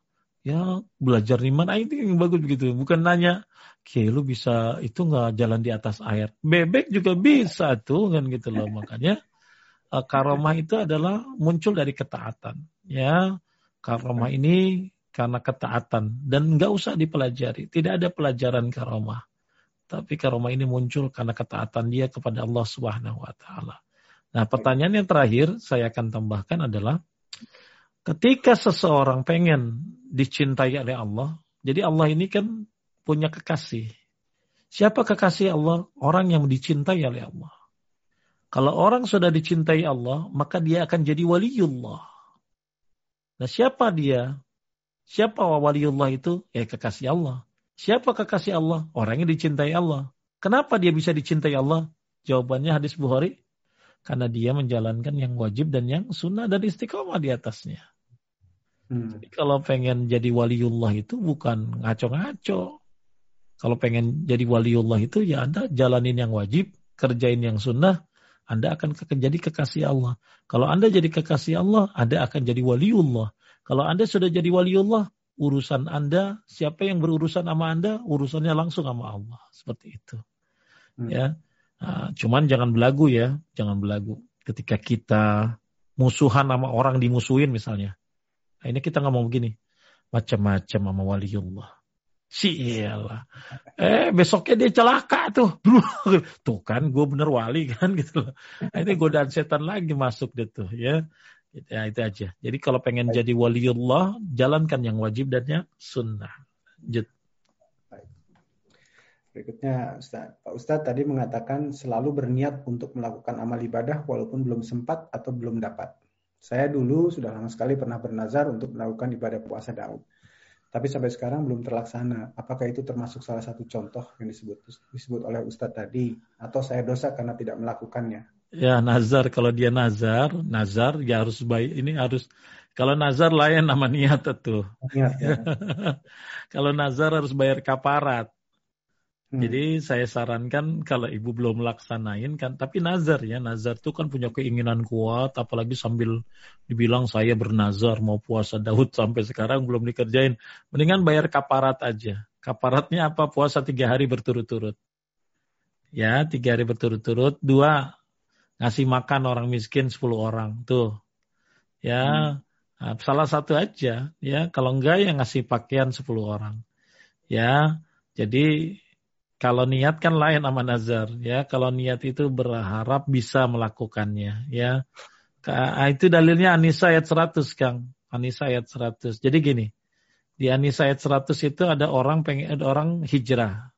Begitu hijrah belum sampai tempat yang dituju meninggal, maka Allah telah tetapkan pahalanya. Ya, Allah tetapkan kepada karena ni niat. Yang kedua, ada hadis Nabi man atafirasyahu wa huwa yanwi ayyakuma yusalli minal lail faghalabatu ainahu atta asbaha kutibat manawa wa kana namu sadaqatan inda rabbih. Ada orang malam mau tidur. Itu tidur dia niat pengen qiyamul lail ah. Niatnya sungguh-sungguh. Kemudian ketiduran. Maka tidurnya jadi sedekah ya dan niatnya jadi pahala. Nah itu pentingnya niat di situ. Ya, tapi itu niat bukan nazar. Kalau nazar kan udah janji gitu ya. Ya, ya. jadi kalau nazar ibu belum melaksanakan bayar dah. Ya, bayar apa tadi? Puasa tiga hari berturut-turut. Kagak bisa Pak Ustaz sudah kasih makan 10 orang. Tapi pakir miskin, bukan traktir teman-teman ya. Iya, yeah, makan sama gue bareng-bareng yuk ke restoran. Ya, udah akhir. Ini nazar ya, kagak bisa. Itu pakir miskin ya. miskin lanjut. Baik, uh, berikutnya mikrofon. Sorry, sebentar. Ya. Kalau harapan kalau harapan ibadah bentuk kedudukan politik duniawi, bolehkah Ustadz? Gak boleh. Ya, nggak boleh. Gak boleh, gak boleh. Ya, ibadah nggak boleh niatnya untuk politik ya. Enggak ibadah boleh. ya cuma buat Allah. Ya banyak orang ngasih karpet ke masjid sedekah, begitu kagak kepilih dipinta lagi karpetnya. Ya, ini ya. Jadi niatnya jelek nggak boleh kayak begitu ya. Niat politik nggak boleh. Gak niat pujian aja nggak boleh. Ya, kita ngasih orang aja nggak boleh minta didoain, nggak boleh. Ibu-ibu, anak-anak yatim doain saya ya, biar jadi keluarga yang samara barokah gitu ya. Eh, eh nama travel maaf. Ya, uh, biar jadi keluarga yang samawa gitu ya. sama apa tuh sama wati sakinah model nggak usah minta doa. Jadi kalau ada kita sedekah, ya udah sedekah aja, ya sedekah aja, sedekah aja nggak usah minta doa. Tujuan tugas kita selesai itu. Dia nggak berharap terima kasih juga. Itu orang ikhlas gitu tadi nggak bertambah kalau dipuji, tidak berkurang kalau dihina. Melihat holik melupakan makhluk. Itu ibadah kayak gitu ikhlas tuh. Ya, ya. lanjut. Baik. Berikutnya ini 10 uh, Ustadz, bagaimana orang yang rutin ibadah melaksanakan sholat puasa, haji, zakat, sedekah, dan lain-lain, tetapi masih terus bermaksiat, contohnya masih minum wine, uh, anggur, dan perkawinan yang tidak seiman, atau living together. Apakah ibadah orang seperti itu mendapat pahala dari Allah?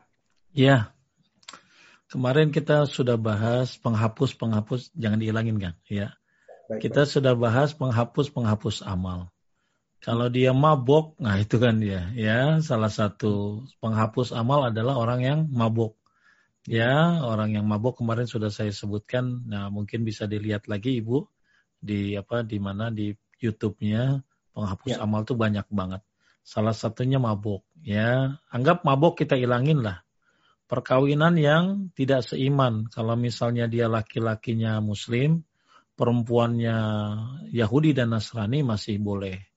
Ya, tapi orang ini harus punya akidah yang kuat biar bisa memasukkan istrinya ke dalam agama Islam dan nanti anak-anaknya juga bisa ikut Islam, bukan seenaknya. Nah, ini makanya sulit kalau nggak punya akidah yang bagus ya, sedangkan jomlowati banyak, kenapa lu milih yang kafir? Kan gitu loh ya lebih baik cari yang yang seiman. Kalau mau nggak seiman, tapi Yahudi dan Nasrani, maka harus punya akidah yang bagus, jangan sampai ke bawah. Makanya yang boleh cuma lakinya Muslim, perempuannya yang ahli kitab.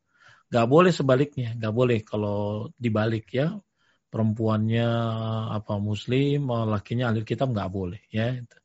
Nah, misalnya dia living together ya, ya apa hidup mungkin uh, hidup bersama tapi nggak nikah ya ya tadi amal-amal ibadahnya bisa terkuras kayak hal seperti ini ya bisa hilang apalagi hmm. orang kalau zina kalau zina itu orang tuh imannya naik ke atas kang bukan imannya naik bukan imannya keluar dari tubuhnya ya hmm. imannya keluar dari tubuhnya dan ketika dia tobat dia akan masuk lagi iman ini sesuatu yang suci tidak bisa dikotori jadi ketika ada orang dia sholat puasa haji zakat akan tetapi amalnya dia masih mabok ya dia masih hidup zina, dan lain sebagainya, maka semua ada takarannya. Ya, hmm. ketika dia syirik maka akan hancur amalnya. Ya. Nah, sekarang masalahnya minum wine, minum wine ini termasuk amal yang bisa menghapuskan, ya, bisa menghapuskan amal seseorang nih. Ya, perkawinan, ya zina misalnya, ya. Uh, maka zina seperti ini ya dia bisa bisa karena keburuk kemaksiatan ini akan mengurangi imannya. Hmm. Ya kan tadi saya bilang iman bertambah karena ketaatan, berkurang karena kemaksiatan. Bisa jadi dengan segala kemaksiatannya ini, maka apa yang dia lakukan akan jadi hilang. Nauzubillah. Ya, apalagi dengan kesyirikan. Maka mudah-mudahan Allah berikan hidayah, petunjuk kepada dia. Dan jadi orang seperti itu dapat pahala dari Allah. Dia dapat pahala sholatnya. Misalnya dia sholat, puasa, haji, dia dapat pahalanya. Tapi satu sisi kantongnya bolong gitu loh. Dia hmm. naruh duit di kantong, tapi ya kantongnya bolong. Otomatis ya berkurang, berkurang, berkurang duitnya nggak sadar, hilang-hilang, habis, sudah. Wakodimna ila ma'amil min amalin fajalnahu hamba'an mansuro. Ketika amalnya diperlihatkan, ternyata amalnya bagaikan debu yang berterbangan. Ya, hmm. nah ini uh, apa seharusnya tidak seperti ini dia. Ya, orang Muslim tidak seperti ini. Tapi ini orang yang mungkin belum belum taubat ya. Mudah-mudahan Allah kasih jalan taubat ya. Dan ibu yang tahu bapak dan ibu yang tahu kasus ini doakan dia. Ya, doakan dia biar dia kembali ke jalan Allah. Ya. Karena hidayah ini ibu bukan karena kita rajin ibadah, bukan. Ya, hidayah ini rahmat. Bisa saja kita yang menempati posisi ini, betul? betul. Kalau bukan karena rahmat Allah, kita bisa menempati posisi orang ini. Maka kita doakan dia supaya dapat hidayah, ya, supaya dapat hidayah. Lanjut. Baik, mungkin tadi ceritanya Ustadz mengenai apa tentang musafir yang kantongnya bolong ya Ustadz begitu sampai hmm. tujuan tidak membawa apa-apa. Yeah. Baik, berikutnya ini Ustadz. Afwan, kalau misalnya kita berhenti share tentang kajian di suatu WA group karena kita ditegur oleh adminnya. menurut admin peserta grup bukan hanya muslim tapi ada juga non muslim apa yang harus saya lakukan Ustaz tetap share atau berhenti share ya ada aturannya sih ya kalau misalnya aturannya memang ada grup-grup yang bukan muslim semuanya ya hmm. maka lebih baik share-nya itu share kebaikan aja hmm. biar orang non muslimnya tahu ih ternyata orang Islam banyak banget amal kebaikannya ya itulah ya amal jadi kan ada share-share yang bersifat apa akidah, ya. Ada share-share yang bersifat bersifat ini ya. Tapi ketika ini share aja yang amal-amal baik ya, amal-amal baik, share sedekah ya, share ini, share ini. Ternyata tuh admin masih ngelarang juga. Itu admin kayaknya bin julid ya, bin julid hasut sama dia ya. Hasut sama dia.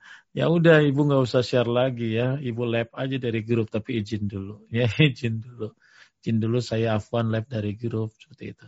Jadi kalau misalnya nggak bisa kan karena ada orang non muslimnya ya udah share share yang bersifat kebaikan aja. Ya mudah-mudahan orang-orang yang non muslim itu jadi mikir umat Islam tuh baik-baik ya amalnya kan begini-begini bagus. Nah mudah-mudahan jadi sebuah ladang hidayah buat dia ya. Jadi jangan berhenti untuk berdakwah mah. Tapi kalau ternyata masih dilarang juga share-share yang bersifat umum seperti itu, ya nah udahlah anda harus cari mungkin grup yang lain ya lanjut baik berikutnya ya Ustaz. pertanyaan apakah benar menolong orang yang berhutang dengan riba pahalanya lebih besar dari pahala sodako lalu bagaimana dengan orang yang rajin beribadah? Tetapi menceritakan ibadahnya ke orang lain. Ya contohnya seperti itu masalah alhamdulillah masak untuk buka puasa dan lain sebagainya. Oh gitu, ditaruh di share gitu ya, coba ya, jadi ya. Gimana orang yang intinya menolong orang apa pun, ya, apalagi yang kayak begini, yang kayak riba begini.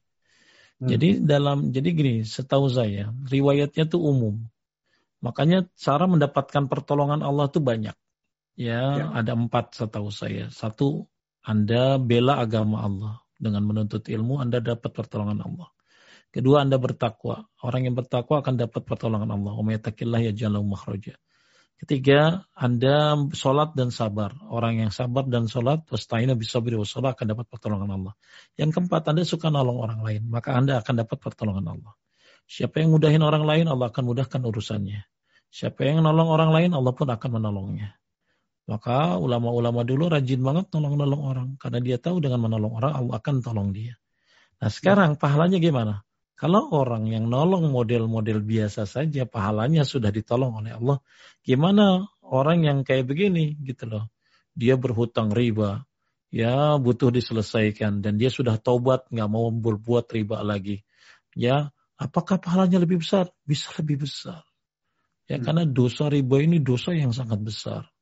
Ya, dosa besar sekali dosa riba itu. Ngeri banget gitu loh. Ngeri banget gitu loh. Ngeri banget gitu ya ngeri riba ini. Nah sekarang kalau orang yang nolong orang biasa saja, karena balasan itu sesuai dengan perbuatan gitu loh. Balasan itu sesuai dengan perbuatan. Ketika dia kan tadi amal itu bisa nambah pahalanya gede kalau saat apa membu membutuhkan. Kan hmm. tadi saya sudah sebutkan gimana caranya supaya uh, ketika kita beramal pahalanya jadi lebih gede gitu loh. Tadi orangnya butuh orangnya butuh. Ya, kemudian makanya ini orang butuh banget ya, karena terjerat riba. Ya, uh, kemudian belum lagi dosanya. Maka Anda menolong dia, insya Allah pahalanya besar sekali. Ya, besar sekali. Kenapa? Karena dosanya aja gede, gitu ya. Dosanya aja gede. Ya, otomatis kalau nolong dia bisa jadi lebih banget. Kalau orang nolong biasa aja bisa dapat pahala. Kalau berjamaah berjalan dengan orang muslim, tolong keperluannya aja bisa kayak pahala apa ibadah apa itikaf di Masjid Nabawi satu bulan. Gimana kayak nolong kayak begini? Maka hmm. insya Allah ya Bapak, ya ini pertama apa, luar biasa pahalanya. Kemudian kalau ada orang rajin ibadah tapi menceritakan ibadahnya ke orang lain atau posting, buat apa? Ini buat apa? Jangan kayak akuarium gitu loh. Apa hmm. aja orang bisa tahu kehidupan kita. Kayak okarium kelihatan semuanya gitu loh. Ya ibadah itu lebih baik disembunyikan kecuali yang memang harus diterang-terangkan. Apa yang terang-terangan sholat jamaah di masjid misalnya kalau lagi aman ya. Hmm. Ya, apalagi puasa Ramadan, Anda nggak bisa diam-diam puasa Ramadan mah. Lu puasa nggak? Rahasia dong. Lah, orang puasa Ramadan kan wajib tuh, ya. Ya, jadi uh, ibadah itu makanya sabar tuh ada tiga. Sabar dalam ketaatan, sabar dalam menahan maksiat, salam sabar dalam menerima takdir. Nah, sabar dalam ketaatan terbagi tiga lagi. Satu, sabar dalam menjalankan yang wajib. Sabar dalam menjalankan yang sunnah. Terakhir nih, sabar untuk tidak menceritakan amalnya kepada orang lain. Hmm. Ya, sabar untuk Nah, tadi ada yang terlupa belum dibahas di akhir mungkin ya. Di akhir apa, apa pembahasan saya. Di sini mungkin sedikit takut ya, kelewatan dikit. Ah, ini dia, lihat. Al-Hafiz Al-Rajab Allah mengungkapkan ada beberapa faedah keistimewaan beramal di waktu-waktu lalai. Dia menyebutkan lebih tersembunyi Ya tuh jadi kenapa tahajud lebih baik nggak usah disebutin gitu, ya. lebih tersembunyi, hmm. lebih terasa sulit dalam jiwa, ya. Kemudian uh, intinya pahalanya jangan jangan sampai di, disebutin gitu loh, ya disebutkan apa dibuat buat orang tahu gitu loh. Makanya salah satu cara agar kita lebih uh, sabar, sabar dalam masalah yang wajib, sabar dalam masalah yang sunnah, sabar untuk tidak menceritakan amalnya kepada orang. Jadi nggak usah hmm. lain, nggak usah orang lain tahu amal kita. Ya, banyak ulama-ulama salaf dalam masalah yang sunnah-sunnah. Oh, Alhamdulillah malam ini bisa tiga juz. Buat apa dikasih tahu? Ya, nanti ada yang komen drop lagi dia langsung. Ya, ada yang unlike langsung sakit perut dan lain-lain. Makanya ketika kita beramal, nggak usah kita kasih tahu ke orang yang yang sunnah ya.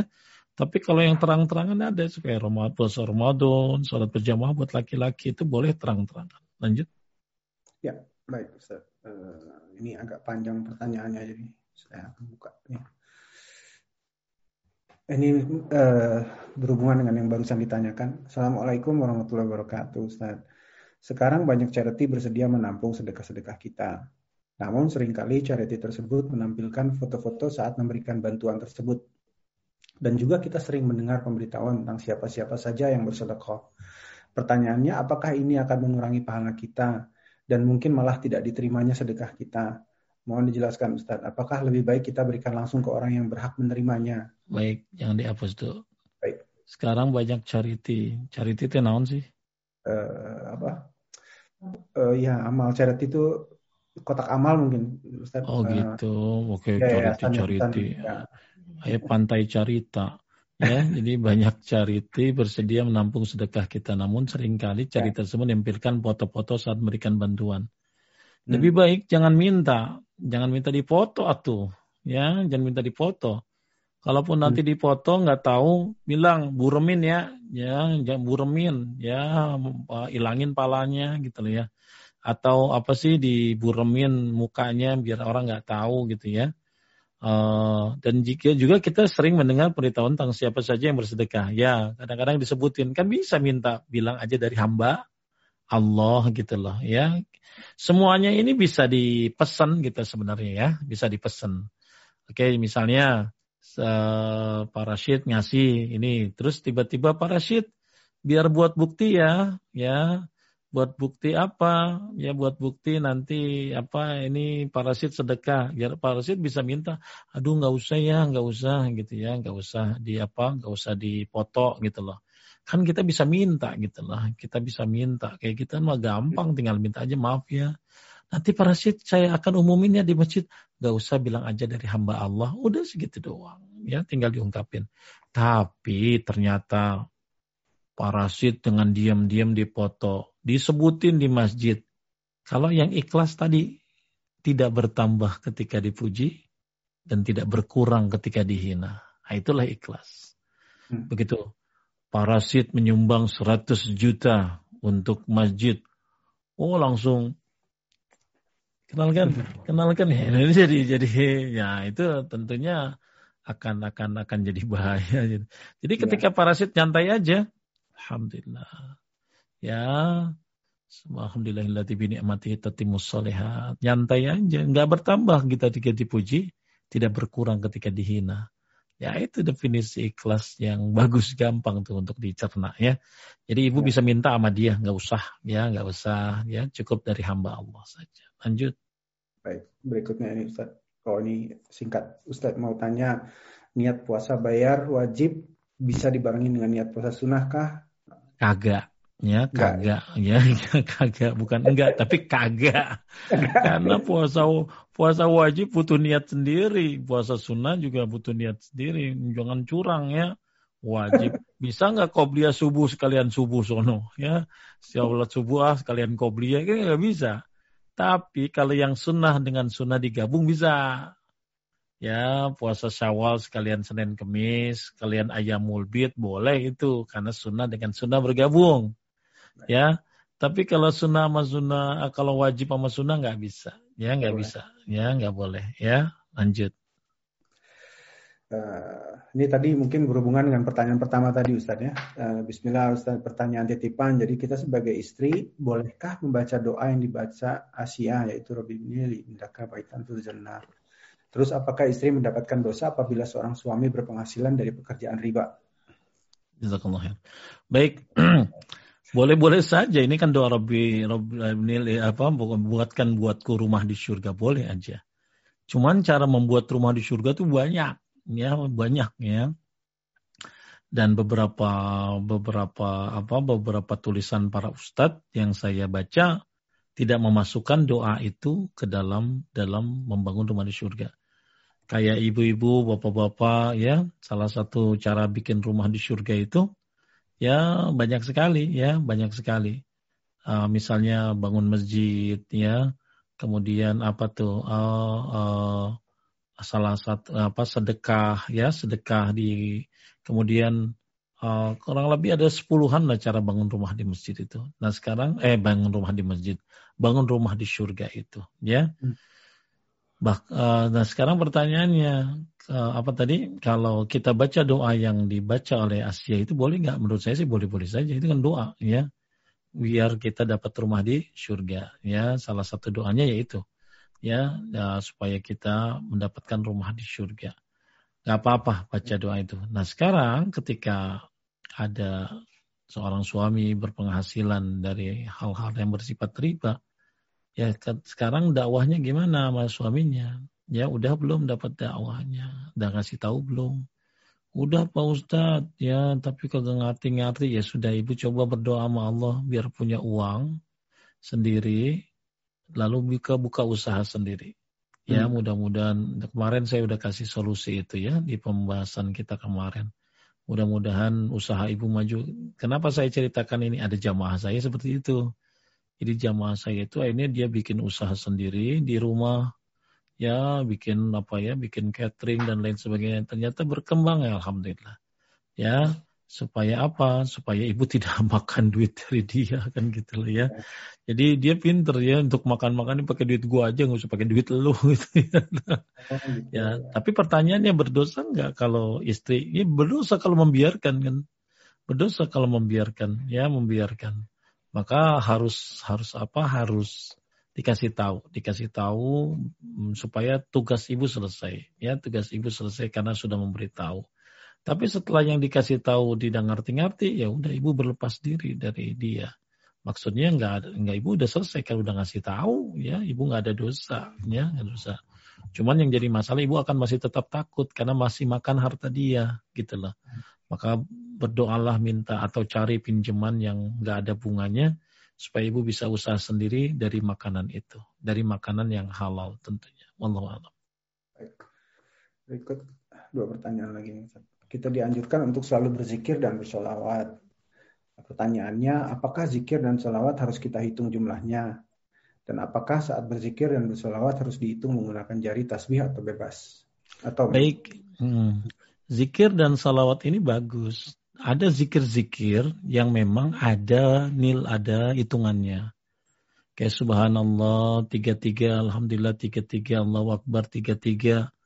Tapi sholatnya, kemudian ditutup dengan la ilaha dari syarika la mulkul hamdalillah kulli syai'in qadir itu ada bilangannya, ya.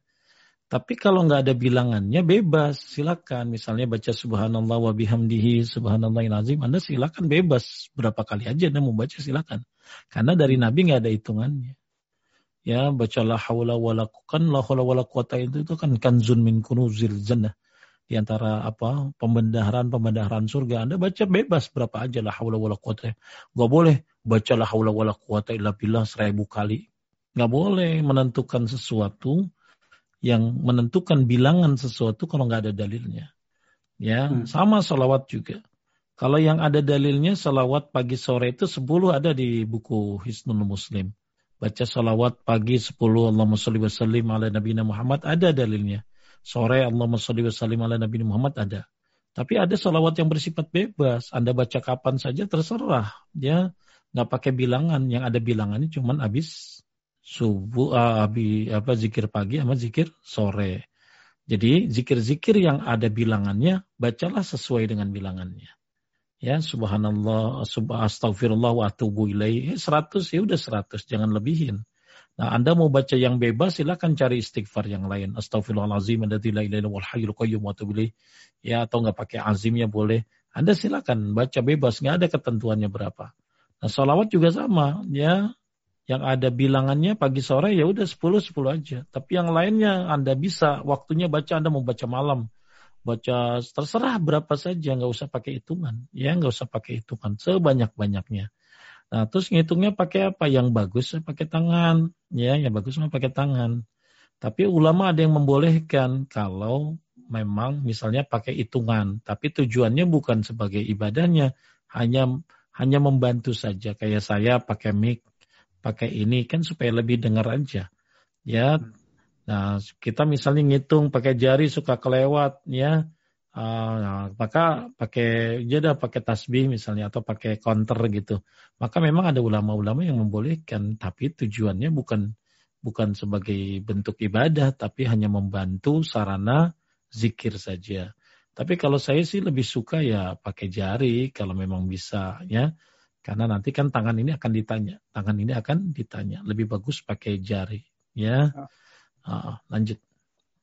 Baik, uh, maaf, ini kelihatannya minta minta pendapat atau minta ini uh, nasihat Ustaz. Sudah tanggal 5 April, tetangga saya dan Pak RW bertamu. Qadarullah saya sedang migrain, jadi pada hari itu saya tidak bisa menemui tetangga.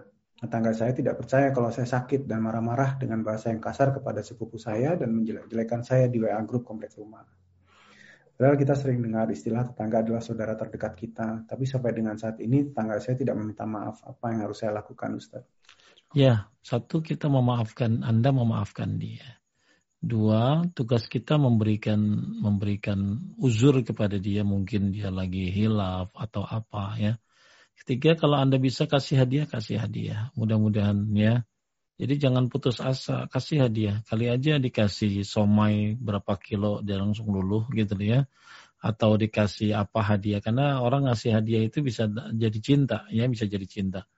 Atau hmm. coba ya, tapi memang uh, ini ya, memang karena gini, kalau memang dia tetangga jelek, ya tetangga jelek, karena tetangga jelek ini kan suka pindah-pindah ya suka pindah-pindah tempat. Maka ada doa supaya dihindari dari tetangga jelek.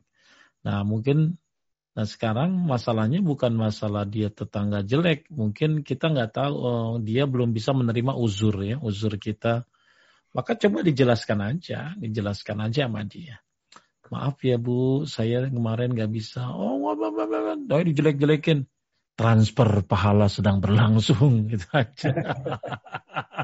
transfer pahala sedang berlangsung. Jadi ibu bahkan bagus ngasih dia apa? Kasih dia kue, kue, kue ya, kasih dia kue. Ya, ucapan terima kasih kalau pahala dia udah pindah gitu loh ya.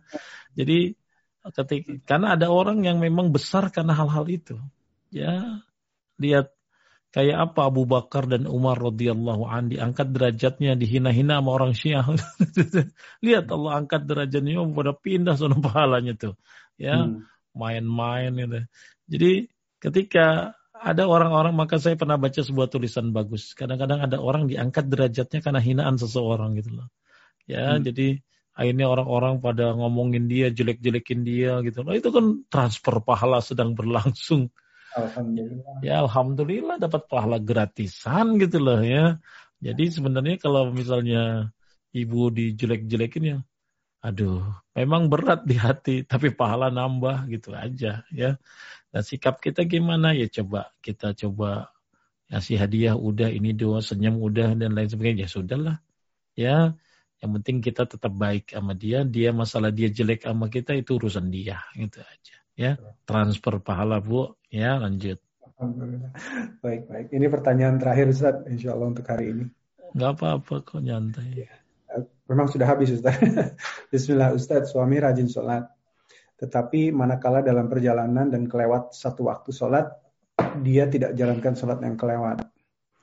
Karena menurut ajaran yang dia terima dari orang tuanya seperti itu. Saya sudah sempat tanyakan, karena jawaban dia demikian, saya tidak pernah lagi menegur. Apakah saya salah Ustadz? Ini catatan berikutnya, maksudnya tidak menjamak sholatnya Ustadz.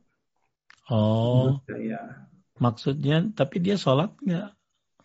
So, kelihatannya kalau dari pertanyaan sholatnya dia yang sudah lewat dilewatin aja. Oh gitu. Ya. ya. Tapi dia sengaja. Dia sengaja. Ya, dia sengaja kelewat. Jadi gini kan ada dua. Ada lupa, ketiduran, maka itu bisa dibayar, dikodok. Ya. Hmm. Nah, alasannya kan nggak sengaja. Alasannya nggak sengaja. Ya. Jadi kalau misalnya ada orang ketiduran bangun jam 7, jam 8, ya udah langsung sholat ya. Ya, tapi nggak bisa tiap hari juga kali gitu loh ya. Nah, atau bangunnya jam 11, itu mau mati suri atau. Jadi kalau ada orang ketiduran jam 8, waduh, ya langsung sholat. Ya, la kafaratan illa ala zarik. Tidak ada kafarah selain itu. Ya.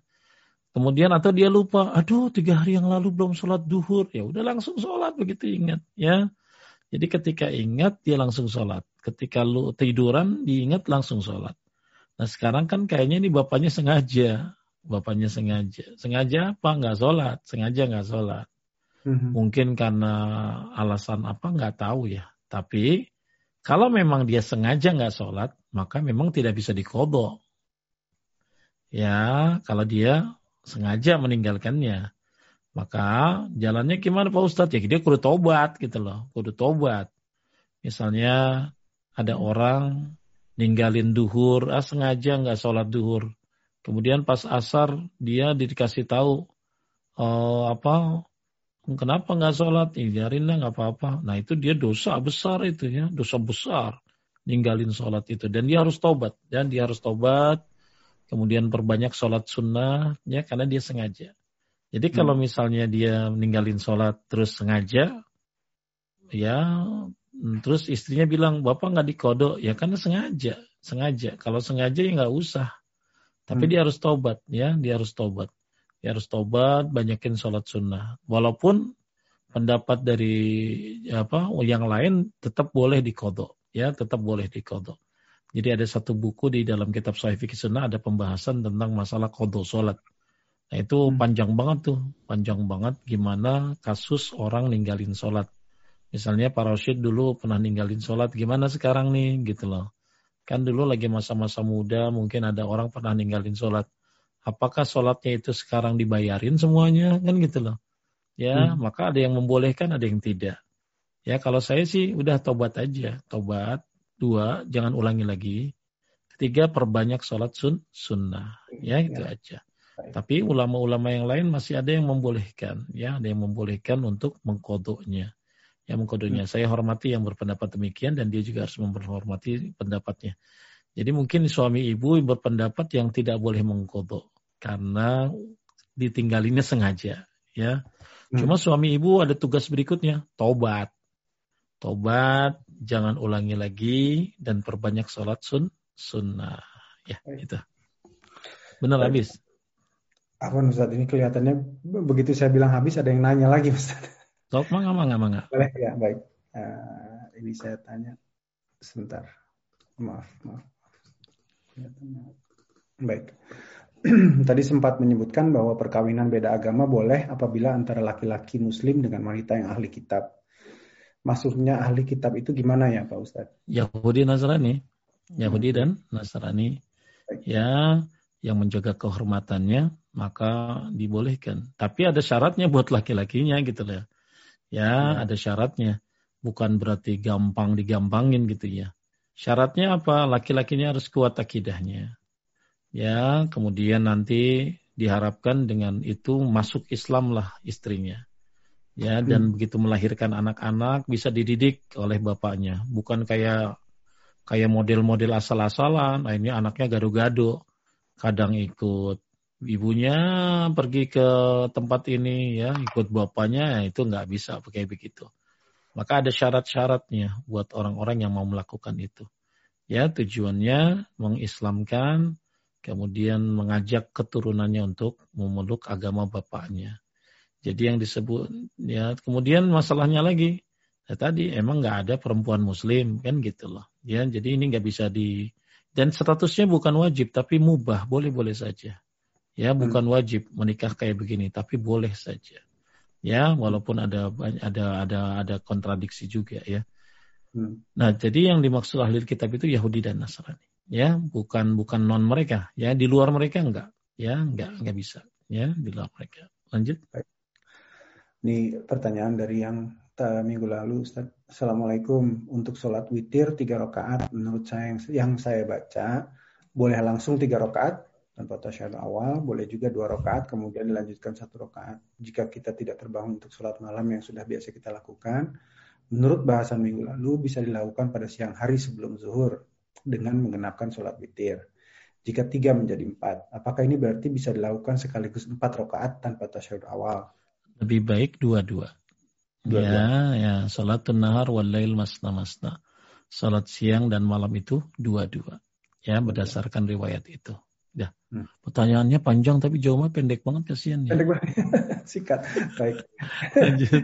terakhir, terakhir eh, sebelum terakhir ini, apakah tanaman yang kita pelihara di rumah kita rawat juga hewan peliharaan yang kita pelihara dengan penuh sayang dapat turut bersaksi yang mengingatkan kita di saat yang mau nanti, Ustaz.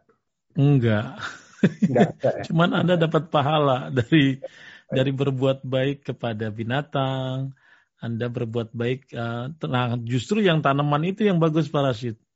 Jadi oh, kalau dia nanam, misalnya dia nanam pohon, kemudian pohonnya itu bisa berbuah, kemudian atau obat ya. Kemudian diambil sama orang lain sebagai obat. Dimakan sama burung ya. Bahkan dicolong orang itu jadi pahala sedekah buat yang nanam. Ya. Makanya salah satu amal yang mengalir pahalanya itu adalah pohon yang kita tanam. Jadi kalau tapi pohon ini ya pohon pohon apa sih? Pohon yang ada buahnya ya, ya. Pohon yang ada manfaatnya bukan pohon-pohon pajangan apalagi pohon plastik gitu. Jadi kalau misalnya orang uh, nanam pohon, maka pahalanya itu luar biasa ya. Sampai pohon-pohon itu kalau berbuah dimakan sama anaknya, dimakan bahkan dicolong orang, bahkan dimakan sama kalong itu jadi pahala sedekah buat yang nanam. Ya, itu buat uh, pohon. Tapi kalau buat binatang bagaimana? Kita punya apa misalnya punya kucing diurus ya. Kalau memang malas ngurus ya udah dibiarin dia kabur nyari makan sendiri gitu ya. Jangan dibiarkan nggak dikasih makan juga tidak dan tapi dikurung maka akan mati. Nah itu akan jadi dosa ya. Ada riwayat ada orang masuk neraka gara-gara itu ya. ya. Jadi ketika anda berbuat baik sama dia maka itu jadi pahala buat anda ya. Dan ya. kucing nggak bisa nggak bisa jadi saksi kucing nanti di akhirat jadi saksi. Dia ngurus saya ya Allah enggak karena dia enggak bahagia karena dia nanti akan hilang akan hilang ya akan hilang. Uh, akan ada hisap tapi akan hilang ya ikan hilang. Lanjut. Hmm. Baik. ini ada yang bertanya langsung Ustadz. Jadi saya persilahkan ya, Mbak Tati untuk bertanya. Di unmute dulu. Ini terakhir kelihatannya Ustadz oh dia oke okay, sebentar di unmute dulu sebentar Ustadz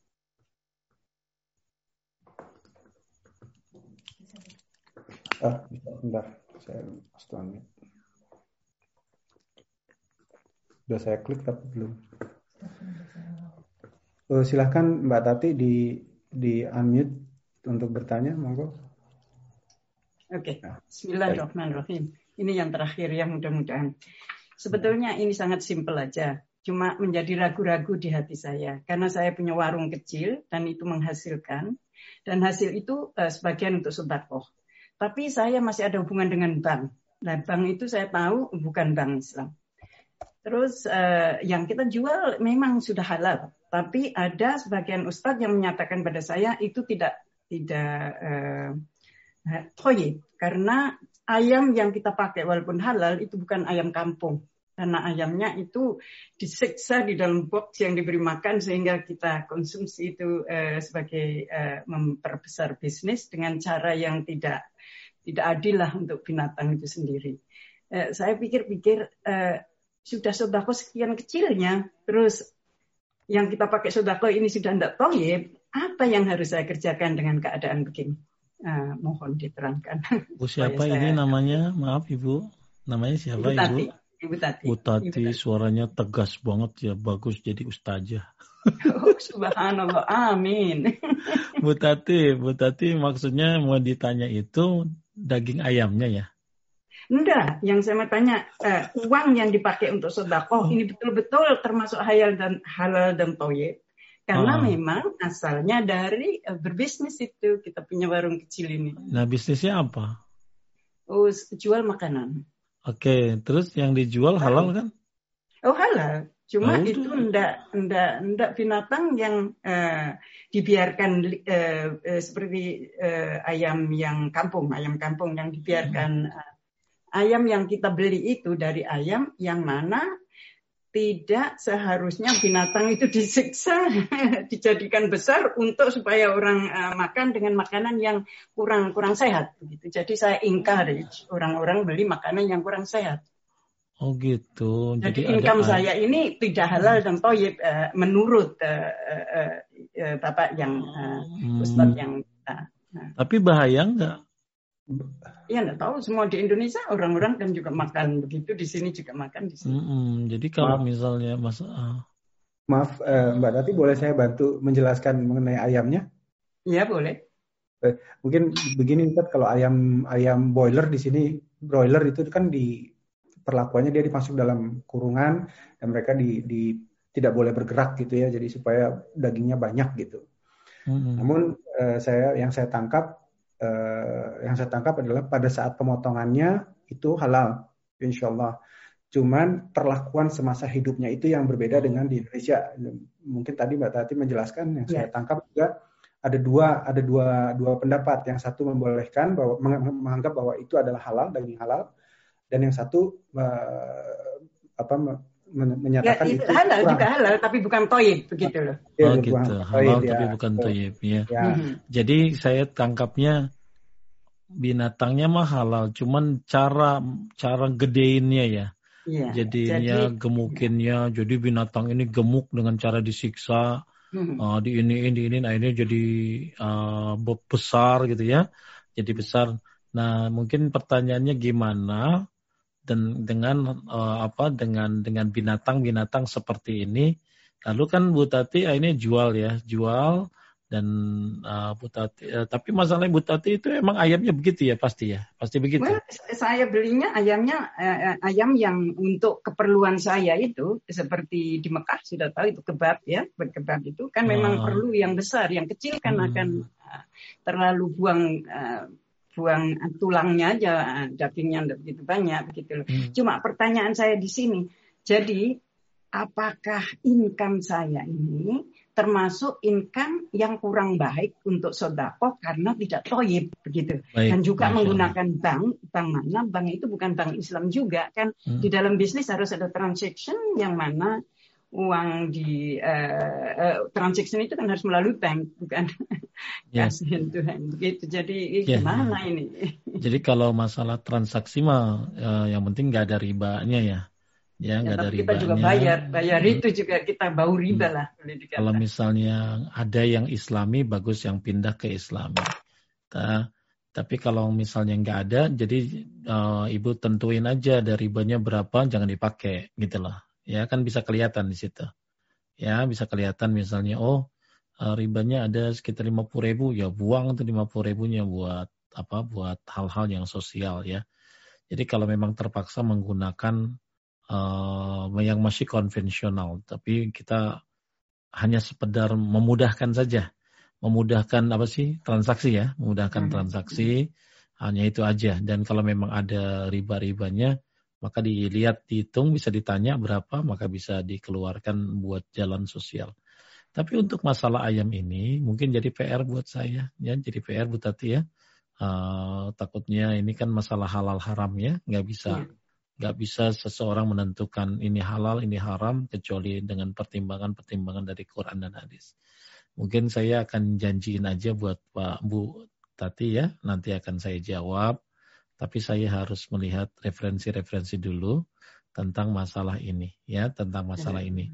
Apakah uh, karena ini kan masalah halal haram nggak boleh sembarangan ya sembarangan. Dan selama ini yang saya tahu cuma makan doang ya makan hmm. ya. Tapi kalau ya tapi kalau prosesnya kita nggak ngerti ya kita nggak ngerti. Nah sekarang gimana pertanyaannya yang saya tangkap kalau ada proses ayamnya seperti itu kan berarti penyiksaannya ya penyiksaan kepada binatang. Tapi dan lalu kita yang memakainya, ibu yang memakainya menjualnya apa gimana? Apakah harta itu dari halal atau tidak? Nah, itu akan saya cari nanti ya Bu ya jawabannya ya. Saya akan jadi utang ya buat atau mungkin nanti bisa minta nomor WA-nya taruh di ke Pak Rashid atau ke Ibu Febi nanti biar nanti biar apa biar saya cari jawabannya ya. Jawabannya biar dengan dalil-dalil yang kuat biar ibu juga yakin kalau untuk memang itu halal ya dan kalau memang itu tidak toyib, ibu bisa cari alternatif apa yang bisa dilakukan. Ibu ya tadi ya, mohon maaf ya. Nanti insya Allah saya jawab. Barakallahu fiik. Jazakillah khair. Ya insya Allah. Baik Ustaz, ke, sudah habis insya Allah. Alhamdulillah. Ya, ya Bapak Ibu sekalian menaikkan Allah. Alhamdulillah kita sudah membahas satu ayat dari satu kitab Tauhid tentang wa ma khalaqtul jinna wal insa illa liya'budun. Tidaklah kalian diciptakan oleh Allah ya kecuali untuk beribadah kepada Allah Subhanahu wa taala. Mudah-mudahan uh, itulah asal penciptaan kita. Mudah-mudahan kita yang hadir pada saat ini bisa memberikan ibadah yang sebaik-baiknya buat yang menciptakan kita yang itu Allah Rabbul Alamin. Apa itu ibadah dan lain sebagainya sudah kita bahas dan mudah-mudahan kita bisa mengamalkannya. Kita tutup dengan doa kifaratul majlis. Subhanaka Allahumma wa bihamdika asyhadu an la ilaha illa anta astaghfiruka wa atubu ilaik. Assalamualaikum warahmatullahi wabarakatuh. Waalaikumsalam warahmatullahi wabarakatuh. Alhamdulillah Ustaz. Terima kasih atas waktu dan ilmunya Semoga kajian ini bermanfaat bagi kita semua dari kajian paduka ini. Ya, kalau misalnya masih ada yang terlewat, ada yang terlewat bisa disimak kembali di YouTube kami di YouTube channel Paduka underscore UK bisa dihubungi juga bisa bertanya pada nomor yang tercatat di belakang sini 730 703 2030. Selebihnya saya saya pribadi mohon maaf dan kami mewakili saya mewakili uh, tim di Paduka mohon maaf atas uh, jika ada kekurangan dan kesalahan. Barakallahu fikum wabillahi taufiq Wassalamualaikum warahmatullahi wabarakatuh. Waalaikumsalam. Waalaikumsalam.